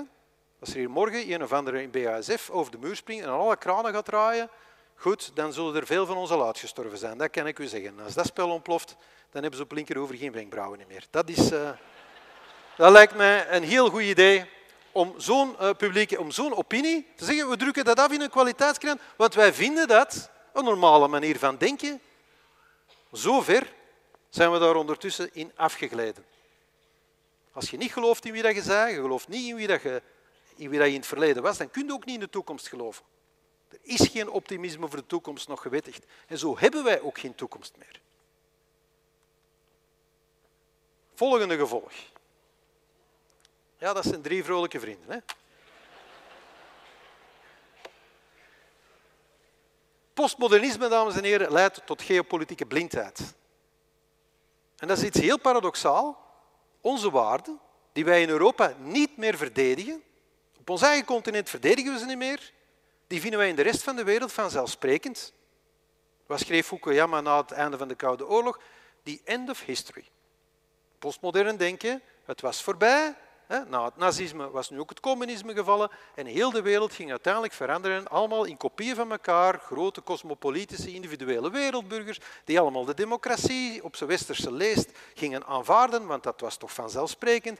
En de toekomst zag er ja, uit alsof er eigenlijk geen toekomst, allez, alsof de geschiedenis, hè, we could take a long break from, from history. We hebben dat in Europa spijtig genoeg ook gedaan. Hè. We zijn nu wakker geschud door die meneer daar rechts. Maar we hadden hem niet zien komen. We hebben niks zien komen. Want wij kijken door dat brilletje naar de rest van de wereld. En wat zien we dan? Wij kijken naar de islamwereld en we zeggen, ja, goed. Die zullen morgen allemaal, zoals wij gaan leven in, in, democratische, liberale burgerstaten, 2010. De Arabische lente, Verhofstadt zat op ter zake. Het was precies zoveel Egypte was in de VLD veranderd. Als je die hoorde spreken. de Franse revolutie is begonnen in de Arabische wereld, voilà. En ze deden vrije verkiezingen, voilà. En de moslimbroeders hadden de absolute meerderheid. Oei. Oei. Was het dan toch misschien niet waar? Was er misschien toch een andere analyse die we niet hadden gezien? Hebben we misschien niet opgemerkt dat, zeker na de val van het Ottomaanse kalifaat, de islamwereld heel vernederd achtergebleven is? Antagonisme, christendom, islam werkt aan de twee kanten. Hè? Die landen zijn onze voetvegen geworden na de Eerste Wereldoorlog. Was het ondenkbaar dat daar ook een andere analyse kon gemaakt worden om te zeggen nee, die westerse waarden worden ons opgedrongen en wij gaan niet assimileren met die westerse wereld, wij gaan intappen op onze eigen identiteit en die is wel nog religieus. Kan het zijn dat op het moment dat wij het einde van de geschiedenis afkondigden, dat het voor die meneer pas begon en heel interessant werd? Ze hadden net de Sovjet-Unie uit Afghanistan verjaagd.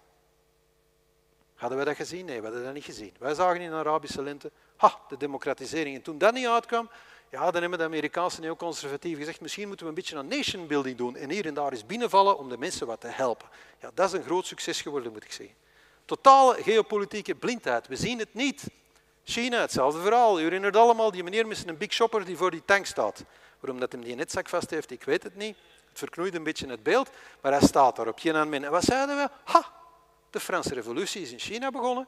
China heeft ondertussen een middenklasse, die hebben een beetje centen en die zijn net zoals wij. Dus die gaan daar een liberale burgerdemocratie op starten. Die end of history, het gaat allemaal gebeuren. Het is niet gebeurd.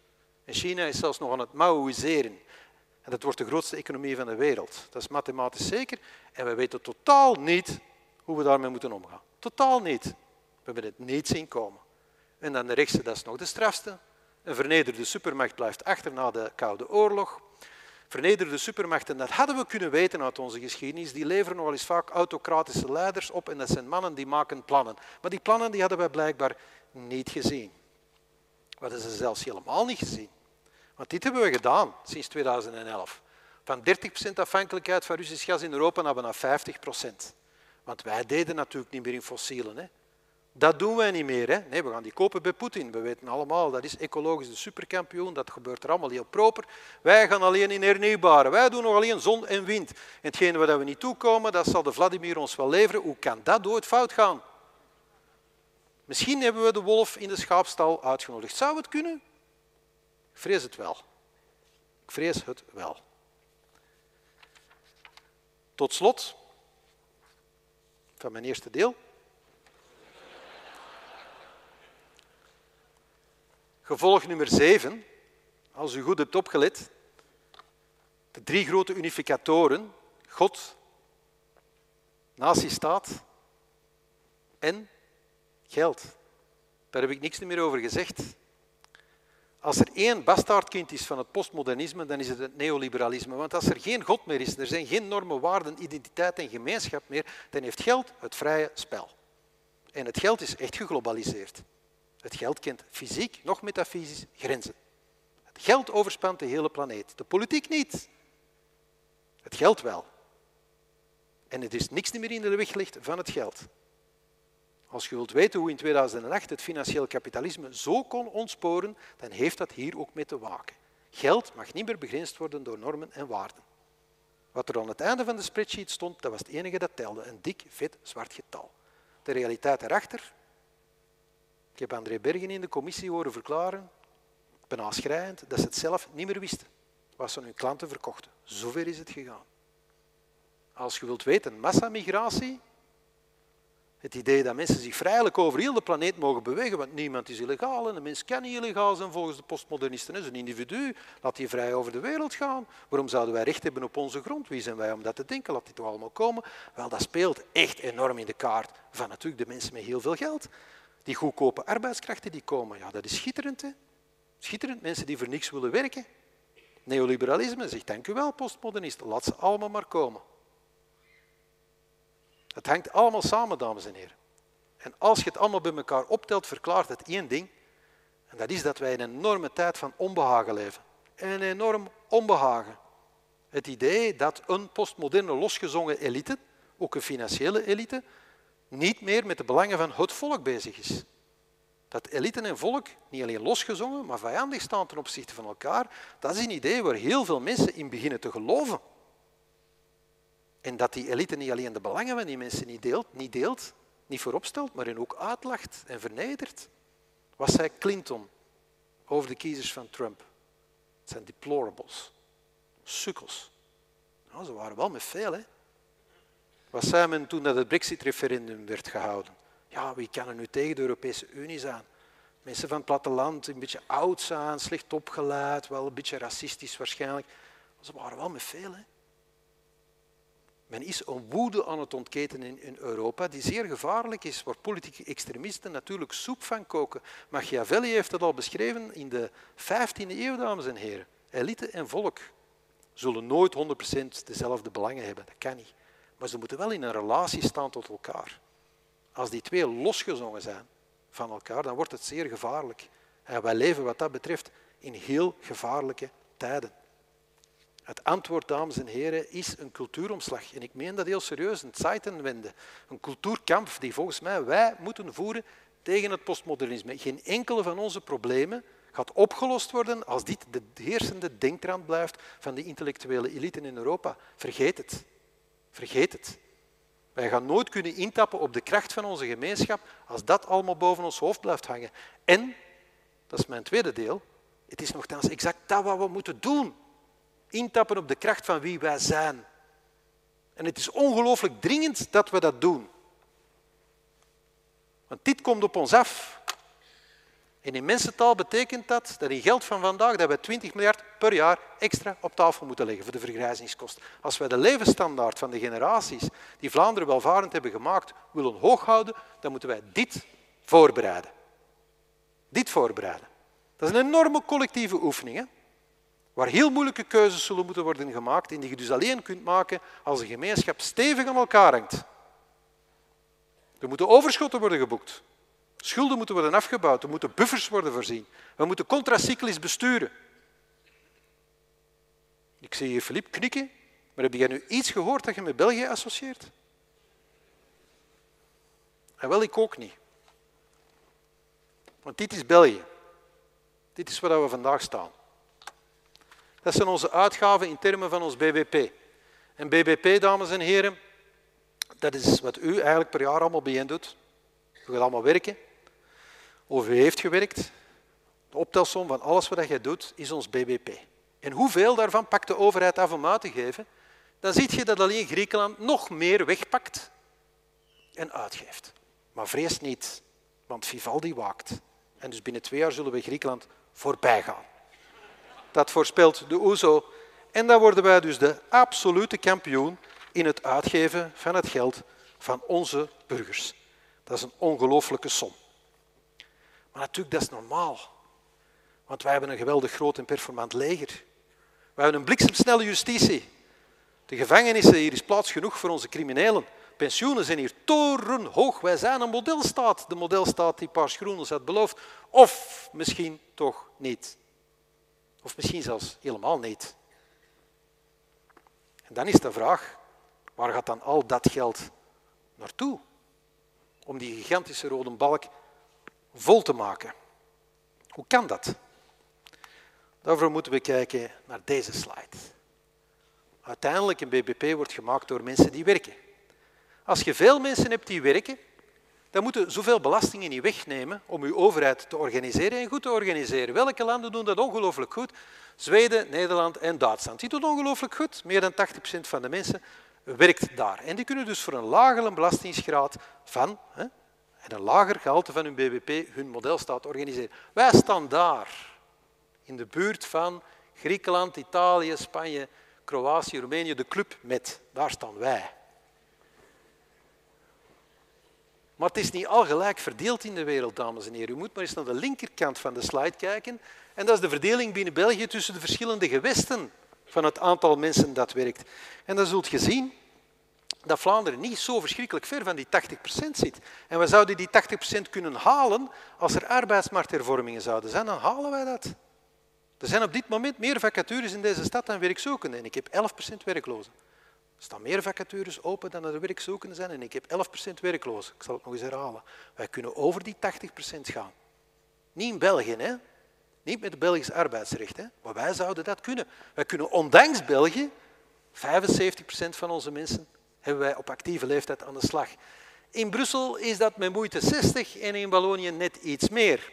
En als je natuurlijk één land bent en je wilt Noordwest-Europese welvaartsstaat zijn, maar je wilt er niet verwerken, dan kom je uiteraard tot de statistiek die ik er juist heb laten zien. En dat noem ik de wet van Jules Cabas. Het zijn zotten die werken. Hè? Het zijn zotten die werken. Maar het zijn de zotten die heel die rode balk van de juist moeten volstorten. Nergens ter wereld, dames en heren, vorige week nog eens OESO-cijfers, nergens ter wereld wordt de werkende meer belast dan in dit land. En als u wilt weten waar de werkende woont, dan moet u naar de linkerkant van deze slide zien. Maar dat heeft een naam. Dat is nationale solidariteit. En als wij dat volhouden, dan komt het allemaal goed. Want dan komt er een redressement van Wallonië. Dat verhaal hoor ik nu al zolang als ik leef. Zolang als ik leef. Mijn eerste herinneringen, politieke herinneringen, vroege jaren 80, Cocktail Sambre, redressement. We krijgen klappen, maar we komen er bovenop. We moeten gewoon een beetje tijd hebben en een beetje solidariteit. Marshallplannen, we weten allemaal wat er allemaal de revue heeft gepasseerd. Als de Vlaming gewoon solidair is, zoals wij dat zogezegd vroeger waren met hem, dan komt het allemaal goed. De oude fabel. Is dat nu waar? Nee, dames en heren, dat is niet waar. De waarheid is dat de ankers die aan onze voeten hangen alleen maar zwaarder worden. Links ziet je het vorderingensaldo, dat is eigenlijk hoeveel zit je hè, boven of onder nul. De blauwe lijn van Vlaanderen die is gezond, die krijgt met COVID een klap. En kijk eens, die gaat terug omhoog. Dat is het beleid van de regering Jan Bon, die een aantal beslissingen heeft genomen, waarvan een aantal pijnlijke. Sparen bijvoorbeeld op het kindergeld, minder meer. En dan gaat uw lijn terug naar boven. Kijk eens naar die van Wallonië en het Brussels hoofdstedelijk gewest. Daar is COVID precies, dat gaat niet over. Hè? En die zakken altijd maar verder weg. Richting 30 procent op uw lopende uitgaven in Brussel. Dat wil dus zeggen, dat is iemand die 1500 euro uitgeeft elke maand en die er maar 1000 verdient. Maand na maand na maand. Wie doet zoiets? Zij doen dat. Maar als gevolg dat je de schulden uiteraard, dat ziet je op de rechterslide, alleen maar ziet verder oplopen. Ze gaan de 200% schuldgraad voorbij. En op een gegeven moment heb ik gezegd, kijk, moest Wallonië een entiteit zijn op zichzelf, moest het een land zijn, dan stond dat er slechter voor dan Griekenland in 2010. Hoger tekort, hogere schuldgraad. En in Griekenland 2010 kwamen de mannen met de chique kostuums en de zwarte maletten van het IMF uit het vliegtuig en gezegd, we pakken de boel hier over. En dan worden er maatregelen genomen. Hè? Geen gezellige maatregelen. Hè? Ambtenarenweddes, zoveel procent eraf, maar nog maar 50 euro per week afhalen, op pensioenen wordt gekort. Dan komt de grove bezig. Wel, Wallonië is iets slechter. TMF had hier al gestaan op Brussel-Zuid, Charleroi. Ze waren al uit het vliegtuig gekomen. En dat vonden ze toch straf. En dus hebben ze een econoom naar dat programma, c'est pas tous les jours dimanche, uitgenodigd om te zeggen, ja maar, wat in de Wever daar zegt, uh, wat moeten we daarvan denken? En die mens die zei, les chiffres de monsieur de Wever sont corrects. Mais il a tort. Hij heeft toch ongelijk. Et pourquoi Parce qu'on est consolidé avec des autres entités. Ja, dank u wel. Dat is nu net mijn stelling. Steek dat allemaal samen in één kafje en je zegt geslaagd. Dat is zoals de twee studenten die samen examen doen. Eén heeft 90% en de ander heeft 30%. Ze gaan buiten en zeggen, samen zijn we geslaagd. Ja, dat klopt. En dat is ongelooflijk motiverend voor die man met 90% om vooral hard door te leren. Heel motiverend. Maar dat is de realiteit. Ze staan er erger voor dan Griekenland. Twee weken geleden, ik wil het kwijt zijn, ja, twee weken geleden waren het budgetbesprekingen in het Waals parlement. En als je denkt, ja, ze gaan een boel opkuisen, dit was de krantenkop. Ik ga dat niet vertalen. Het is al deprimerend genoeg.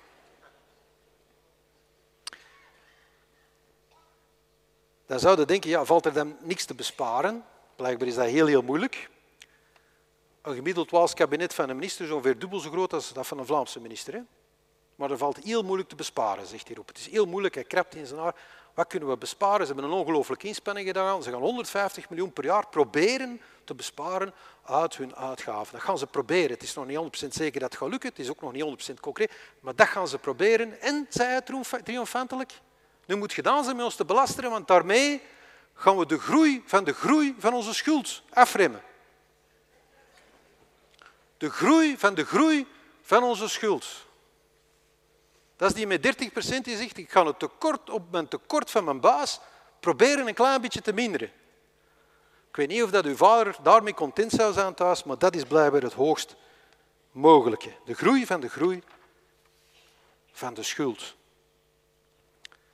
Dan zouden ze zeggen, oké, maar we hebben toch ook nog een federale regering. En die federale regering moet ook beseffen dat dat zo niet verder kan. Er zitten toch ook Vlaamse partijen in. Wordt dat roer dan niet radicaal omgegooid? Goed nieuws voor u? Ja. Het roer wordt omgegooid. Maar spijtig genoeg compleet in de verkeerde richting. Dit is het begrotingstekort van België. En zo zeggen we, het is oorlog, het is covid. Het is oorlog en covid voor iedereen, hè, dames en heren, voor iedereen. Maar wij zijn de allerslechtst. Het zou kunnen dat Malta ons nog voorbij steekt, anders hebben we echt een rode lantaarn. Zo Griekenland, Malta, dat zijn echte landen waar je mee benchmarken. Maar het ziet er naar uit, zegt het IMF, dat wij naar het aller, allerslechtste begrotingsresultaat gaan van de hele OESO, van de hele uh, ontwikkelde wereld. Het contrast met de vorige regering kan wat dit betreft echt niet groter zijn. En dan bent u stil aan het denken, oké, we zitten op de Titanic, dit is crazy, dit is waanzin. Maar dat hangt er maar vanaf, vanuit welk perspectief dat je naar die werkelijkheid kijkt. Dat is waar voor u, maar dat is niet waar vanuit het perspectief van bijvoorbeeld de PS. Toen ik met Majet onderhandelde in de zomer van 20 en corona was op zijn hoogtepunt, zei ik hem, oei, wij krijgen budgetair serieuze slagen. Elke dag wordt dat tekort groter. Het is om wanhopig van te worden. En die zei tegen mij, met Bart, c'est pour ça que les socialistes aiment la crise. Parce que alors, on peut dépenser de l'argent. Dan kun je geld uitgeven. Ik heb hem nog geantwoord, l'argent de quelqu'un d'autre. Dat vond hem dan wel heel grappig.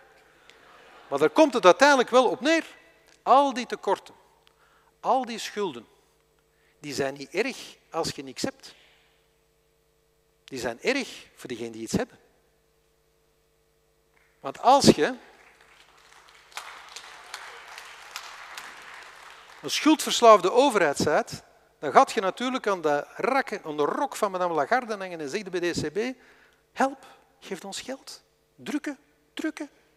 Negatieve rente als het kan, geef ons geld, geld. Geef ons gratis geld, we kunnen er niet meer aan uit. We hebben nog tekort, groter tekort, nog meer schuld. Geef ons dat geld. En wat begint er dan? Inflatie. Inflatie. En daar wordt op aangestuurd, dames en heren. Dat moet u zeer goed beseffen. Dat is geen noodlot hè, dat ons overkomt. Dat wordt georganiseerd. Dat is het wapen van de krekel op de voorraadkast van de mierinflatie. Dit soort beleid is erg voor u, die elke dag gaat werken. Dat is erg voor u, die 45 jaar werkt en elk jaar opzij zit. En nu met 9% inflatie, als dat nog een paar jaar duurt, betekent dat heel concreet dat je jarenlang voor niks hebt gewerkt en gespaard. Hè? Voor niets. Hè? Dat geld verdampt. Dat smelt. En dat smeltwater vult de put. Zo eenvoudig is het. Het enige wat niet ontploft is onze schuldgraad en dat is puur door inflatie. De inkt die uit de printer van de ECB komt, dat is uw spaarrekening. Zo eenvoudig is het. En rekent erop dat je dat niet eens merkt want dat is zoals een CO2-intoxicatie. Je voelt het niet, je ziet het niet, je riekt het niet. maar je wordt er wel langzaam door verstikt. Laat u nooit wijs maken dat dit toeval is. Hè? Dit is doelbewust beleid. In die context kun je alleen in die context begrijpen, dat was gisteren of eergisteren Ecolo het voorstel doen, weet je wat? Laat ons 30.000 euro geven aan iedereen. Dat is nog eens van uw spaarrekeningen. Zo is de inflatie in Amerika begonnen, hè, met 1500 dollar te geven aan iedereen. Zij gaan 30.000 euro geven. Natuurlijk, als je zo goed voorstaat in Wallonië, doe het misschien vanuit uw eigen overschotten. 30.000 euro gaan ze uitdelen. Dat is een kwestie van inflatie naar 20% te jagen. Dat is uw geld. Hè? Wie boekt er die spaardeposito's vol voor 80%? Dat zijn de Vlamingen, hè? wereldkampioen spaarder. Niet het publiek waaraan ze dat geld willen uitdelen. Hè? Niet die. Hè? Voor zij die denken, het is allemaal nogal ver gezocht, heb ik een onverdachte getuige. Je pense qu'on on sera plus content euh, d'avoir un emploi plutôt que d'avoir un, une, une épargne protégée. Je pense que c'est dans cet esprit-là que les politiques monétaires ont été déterminées par mes prédécesseurs et je pense que euh, c'est assez, assez salutaire comme Il choix. faut continuer. Hein? Voilà. Dat vat het heel gewoon samen. Doelbewust. En je moet er niet mee zitten, want dan houdt het tenminste je job. Dat is beter dan dat je wat spaargeld hebt. Laat die inflatie maar komen. Die rente die moet niet omhoog. Vandaag is het beslist 25 basispuntjes. En misschien, misschien dat je daardoor in 2023 iets op je spaarboek gaat krijgen. Iets. Bij 9% inflatie, dames en heren. Iets. Het zou kunnen, iets. Maar we moeten er allemaal niet mee zitten. Waarom, waarom zou je aan je spaargeld denken als je ondertussen toch een job hebt? Dit is een Franse dame. Frankrijk in de 20e eeuw heeft meer dan tien keer gedevalueerd. Hè. Dat is de club met strategie. Hè. Devalueren. Dat is om de zoveel tijd zeggen, we kunnen niet meer uit. Iedereen is 10% armer. Voilà. En we kunnen weer even verder. Maar dat kunnen ze niet meer in de euro. Wat kunnen ze wel? De inflatiemotor laten draaien en de ECB de geldmotor laten, uh, laten pompen. Dat is wat er uh, vandaag gebeurt. En dan kunnen we nog de vraag stellen, klopt het dan tenminste wat ze zegt? Is daardoor onze job beschermd? In België dus niet. Hè? Dit zijn onze economische groeivooruitzichten, de laagste van de hele OESO. Al die cijfers, de bron staat er altijd bij, ik heb die niet uit mijn duim gezogen. Het zijn macro-economische cijfers, daar kun je ook niet mee foefelen. Maar begint ze in uw hoofd eens op te, op te tellen. Hoogste belastingsgraad, hoogste overheidsuitgaven, hoogste lopend tekort, laagste economische groei. Dat is waar we nu staan. En dan kun je toch stilletjes aan de vraag stellen, Vlaamse partijen die voor de middenklasse opkomen, VLD en CD&V, waarom doen die hier aan mee? Hoe kan dat? Waarom doen die hier aan mee? Waarom offeren die de belangen van hun eigen kiezers zo op? Hoe kan dat? Dat is het Stockholm-syndroom, dames en heren. Het Belgische status quo.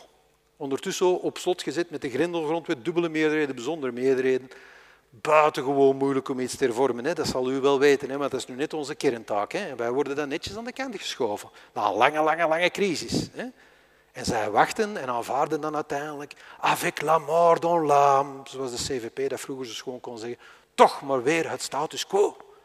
Vooral als na die lange crisis de deur van de wedstrijd 16 ook nog eens open gaat.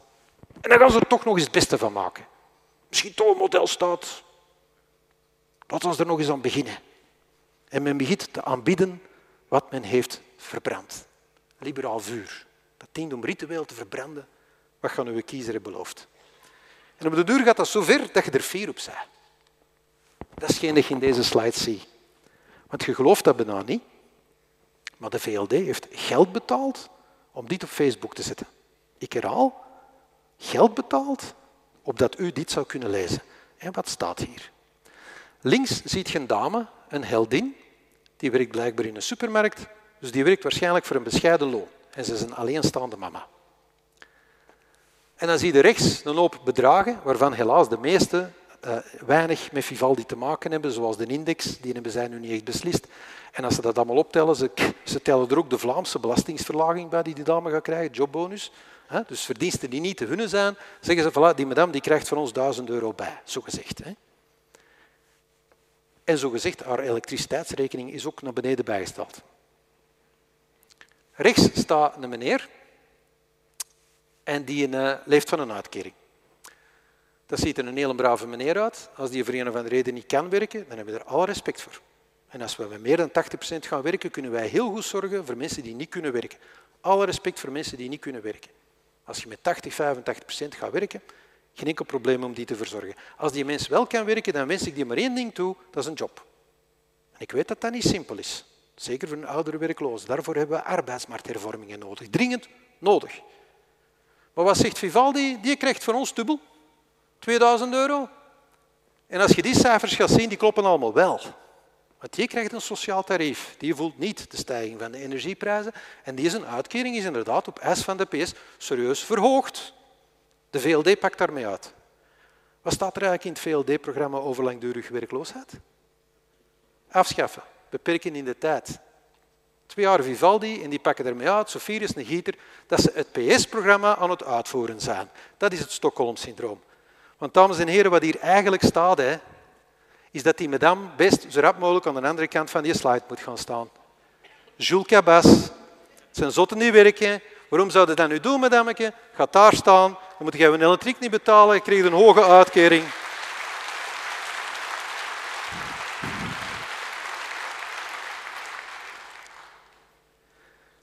Het eerste decennium van deze eeuw vertelde ik altijd een standaard grap in zalen in Vlaanderen. Als je dat nu ziet, dames en heren, zei ik toen, er waren altijd voorbeelden. Stockholm-syndroom, altijd voorbeelden. Dan zei ik de wedstrijd 16. Weet je waarom dat, dat in, de, in de 16 is? Als je er buiten komt, dan is er nog juist 16 procent. Toen was dat een grap. Als je dat nu vertelt op een VLD-congres, krijg je een staande ovatie. Ze zullen de 16 moeten verhuizen naar nummer 8. Of misschien van de eerste keer naar nummer 5, want eronder dan tellen toch niet meer mee. Dat is wat er hier staat. En als je nu zegt, hij is aan het overdrijven, dan heb je de KU Leuven, die onmiddellijk in een studie uiteenzet wat het effect van Vivaldi is geweest op de koopdracht op de verschillende decilen. Wat betekent dat in mensentaal? Rechts dat zijn de grootste inkomens, links de kleinste inkomens en in het midden dat zijn de mensen die gaan werken voor een bescheiden of mediaan loon. Wie is er het meeste op vooruit gegaan? De eerste drie decilen, de eerste twee zijn mensen die niet werken. Niet werken, die hebben netto koopkracht gewonnen. Ironisch genoeg ook de hoogste inkomens. Dat is het effect van een index. Op een hoog loon 2% erbij. Dat is veel geld. Wie betaalt nu heel de rekening? Dat is die madame van de supermarkt. Die betaalt dat. Hier wordt een transfer georganiseerd van werkenden naar niet-werkenden. Herinner u de slide waar dat die werkenden wonen en waar dat die niet-werkenden wonen? Moet je er nog een tekening mee maken? Dat is een verplitterende slide. Dat is wat men aan het organiseren is. Je moet uiteraard het tegenovergestelde doen. Het tegenovergestelde doen. De Vlaamse regering, doet die het dan beter? Ik denk van wel. Hier ziet je een cijfer, de VRT, dus het moet juist zijn. Luc Pauwels, een van de beste journalisten die we hebben, meen ik heel serieus, heeft een berekening gemaakt. Welk effect heeft nu eigenlijk al dat energiebeleid op de echte factuur van de mensen? En ook van de mensen die gaan werken. Het Vlaams beleid en het federaal beleid. Dat is een verschil. En de cijfers zijn nog gunstiger gewerkt geworden. Deze week heeft Zoal nog een goede beslissing genomen. Eigenlijk de, de waanzin van die groene stroomcertificaten geleidelijk altijd maar meer uit onze facturen te halen. Dat komt ten goede van mensen die werken. Van mensen die werken. Dat is een groot verschil. De Vlaamse regering die ook haar budget naar een evenwicht gaat brengen. Ik heb het u al gezegd, niet met gemakkelijke beslissingen. Die de belastingen voor mensen die werken, voor een bescheiden loon met de jobbonus, met 600 euro gaat verlagen. Verlagen de enige overheid met een concreet klimaatplan. Al rest spreekt over doelstellingen. En de enige met een plan is de Vlaamse overheid die een stikstofakkoord ook heeft gesloten. Het zal niet simpel zijn, maar het is er. Een bouwschietsakkoord die de woonfiscaliteit heeft ervormd. Vlaanderen wordt bestuurd. Perfect bestuurd? Nee, zeker niet perfect bestuurd. En met de covid hebben we het heel, heel lastig gehad. Heel lastig als Vlaamse regering. Maar dat de Vlaamse regering tenminste pogingen doet om in het belang van haar eigen inwoners te besturen en van mensen die gaan werken te besturen, dat staat als een paal boven water. Dat is een waarheid die men ons uiteraard niet gunt, want als men dat nog moet toegeven ook, dan is het waarschijnlijk helemaal met die Vivaldi-partijen gedaan. En dan kunnen we de vraag stellen, goed, ja, we doen het beter, maar heeft de NVA daar iets mee te maken? Kunnen wij claimen dat we goede huisvaders zijn? Ik denk het wel. Ik denk het wel. Schepen van Financiën zit hier op de eerste rij. Je het lezen, zijn die letters groot genoeg? Van wie rijk de financieel gezondste stad van Vlaanderen is. Links, wat eigenlijk uw overschot is. Dit zijn wel cijfers van voor de inflatie-explosie. Dus ondertussen zijn onze balkjes aan het teruglopen. En dat van Gent, dat staat nu ergens, dat gaat niet meer op de slide geraken. Wij kunnen onze broek nog ophouden. Waarom? We hebben contracyclisch bestuurd, we hebben hervormd, we hebben geoptimaliseerd, we hebben buffers opgebouwd. Herinner u dat verhaal? We hebben dat gedaan. Wij staan daar helemaal van boven. Toen wij tien jaar geleden met NVA begonnen, stonden we daar niet. Hè? En wie staat er op de tweede plaats? Hasselt, NVA-burgemeester, Turnhout, NVA-burgemeester, Aalst, NVA-burgemeester. Wilt je weten waar de PS van Vlaanderen zit? Dan moeten we de onderste drie in het rijtje kijken. Rechts het omgekeerde, daar wilde zo laag mogelijk staan. Wat zijn uw schulden per, per inwoner? Mechelen. Kijk, spijt dat die fusie met Boortmeerbeek niet is doorgegaan. Want ik had, ik had al een prachtige nieuwe naam voor die gemeente. De gemeente Schuldenberg. Ja, fantastische, fantastische naam. Boortmeerbekenaar, Boort, Boort, Boortmeerbekenaar, u bent nu een Schuldenbergenaar. Dat was bijna gelukt.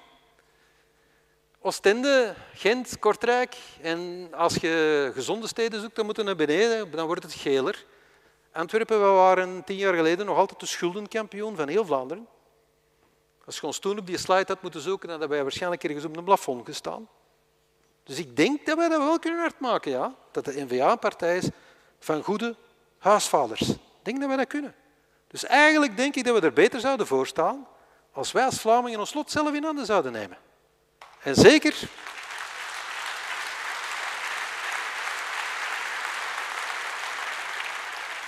En zeker als wij onze stempel erop kunnen duwen. En ik sta met die opinie, dames en heren, niet alleen. Ik heb daarvoor een woordvoerder staatshervorming, waar we wel het zwaartepunt heel duidelijk bij de regio's leggen, bij de drie regio's. En we geven eigenlijk alle bevoegdheden om te beginnen aan de regio's en dan beslissen we wat gaan we samen nog doen. Dus we blijven duidelijk onder het Belgische dak zitten. En dan kan je zeggen, ja, dat klopt inderdaad niet met de juridische definitie van uh, confederalisme. is juist, dat klopt niet. Maar het woord geeft wel weer dat we een stap verder gaan dan het federale model zoals het vandaag bestaat. En daarom gebruiken we dat woord, omdat we niet blijven willen stilstaan bij het federalisme van vandaag, maar echt een doorgevoerde staatshervorming willen hebben waar we echt een stapje verder gaan.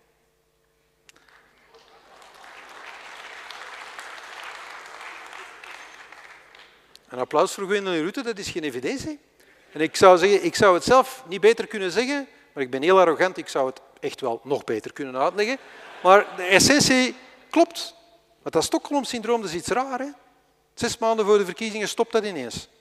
En dan vertellen die de waarheid en dan klinken die als NVA's. En dat begint dan direct terug de dag na de verkiezingen. En zo is dat elke keer. Maar zij weten het, hè. Zij weten het, hè. Het zonlicht heeft zijn rechten. En dus er moet iets gebeuren, maar iets in mij zegt dat zij dat niet gaan uitvoeren. Iets in mij zegt dat wij dat gaan moeten doen. En dan komt het tot de hamvraag. Gaat ons dat lukken? Kunnen we dat? Ik denk dat dat erin zit. Als je de peilingen allemaal op elkaar legt en je gaat naar het kiespotentieel kijken, dat is natuurlijk samen meer dan 100, hè, dat is uw, uw theoretische maximumscore, dan zie je dat wij nog altijd de partij zijn die het dichtste ligt bij die fameuze grondstroom van Vlaanderen.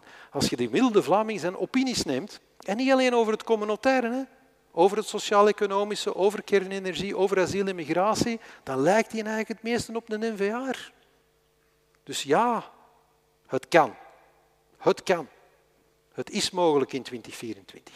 Als we ons uiterste best doen om die gele balk, als de stemmen geteld zijn, zo dicht mogelijk in de richting van dat bovenste getal te krijgen. En ik weet ook dat bergop fietsen is. Covid was niet gemakkelijk, we hebben slagen gekregen. En ik weet ook dat de geest van het extremisme in heel Europa en dus ook in Vlaanderen uit de fles is. En dat is ook niet gemakkelijk. En toch kan het. En toch moet het gebeuren. Er zijn twee strategische doelstellingen in 2024 in mijn ogen cruciaal. Dat is die gele balk moet de grootste zijn. We moeten de leidende partij zijn. Wij moeten het initiatief kunnen nemen. Als er een andere balk is, bijvoorbeeld een balk ernaast, dan voorspel ik u wat er gaat gebeuren. De dag erop is Vivaldi 2 vertrokken. En dan zal men zeggen, wij werpen een dam op tegen extreem rechts. Net zoals in Frankrijk. Tous ensemble. Om het monster af te weren. En heel Europa zal zeggen, applaus. En die regering is terug vertrokken met nog minder Vlamingen. Nu hebben ze al geen meerderheid. Die doen met 30% nog voort. Ze zullen het durven als die een balk de grootste is, dan hebben ze een excuus. Dus onze gele balk moet de grootste zijn. Cruciale doelstelling. Twee, de blauwe en de oranje balk liefst zo klein mogelijk. Zo klein mogelijk.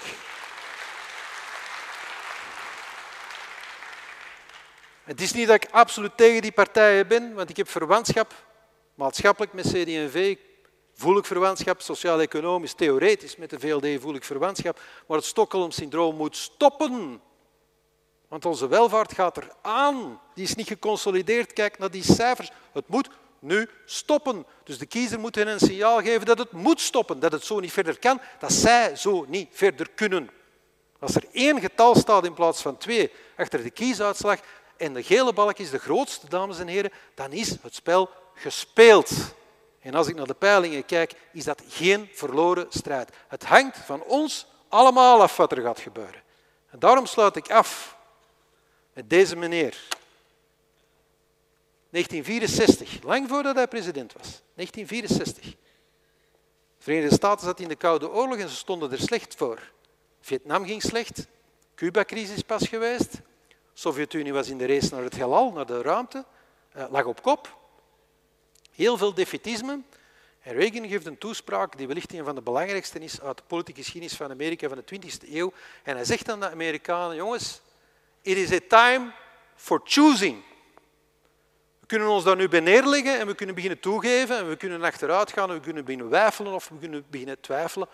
Of we kunnen een streep trekken in het zand en zeggen, there is a price we shall not pay. There is a point beyond which they shall not advance. You and I have a rendezvous with destiny. It is a time for choosing. Daar moeten we mee naar de Vlamingen gaan. Het is een tijd om te kiezen. Kies. Kies in 2024. Weet één ding. Wij zijn niet beschaamd over ons verleden. Met al het goede en het kwade dat er is geweest. Het heeft ons geboetseerd tot wie dat wij vandaag zijn. En wij zijn Vlamingen. Wij zijn daar trots op. Dit is ons lapje grond aan de Noordzee. De geschiedenis heeft het ons gegeven. Wij wonen hier. Wij spreken Nederlands. Wij willen een gemeenschap vormen. Wij willen dat die gemeenschap drager is van normen en waarden. Wij geloven wel nog in onze toekomst. En ze zijn bereid om verdomd hard voor die toekomst te werken. Wij zijn de NVA. Kies. Kies voor Vivaldi en je weet exact waar je gaat eindigen. Maak een keuze. Maar maak alsjeblieft de juiste keuze. Kies voor Vlaanderen. Kies voor ons. Stem voor de NVA. Dank u wel.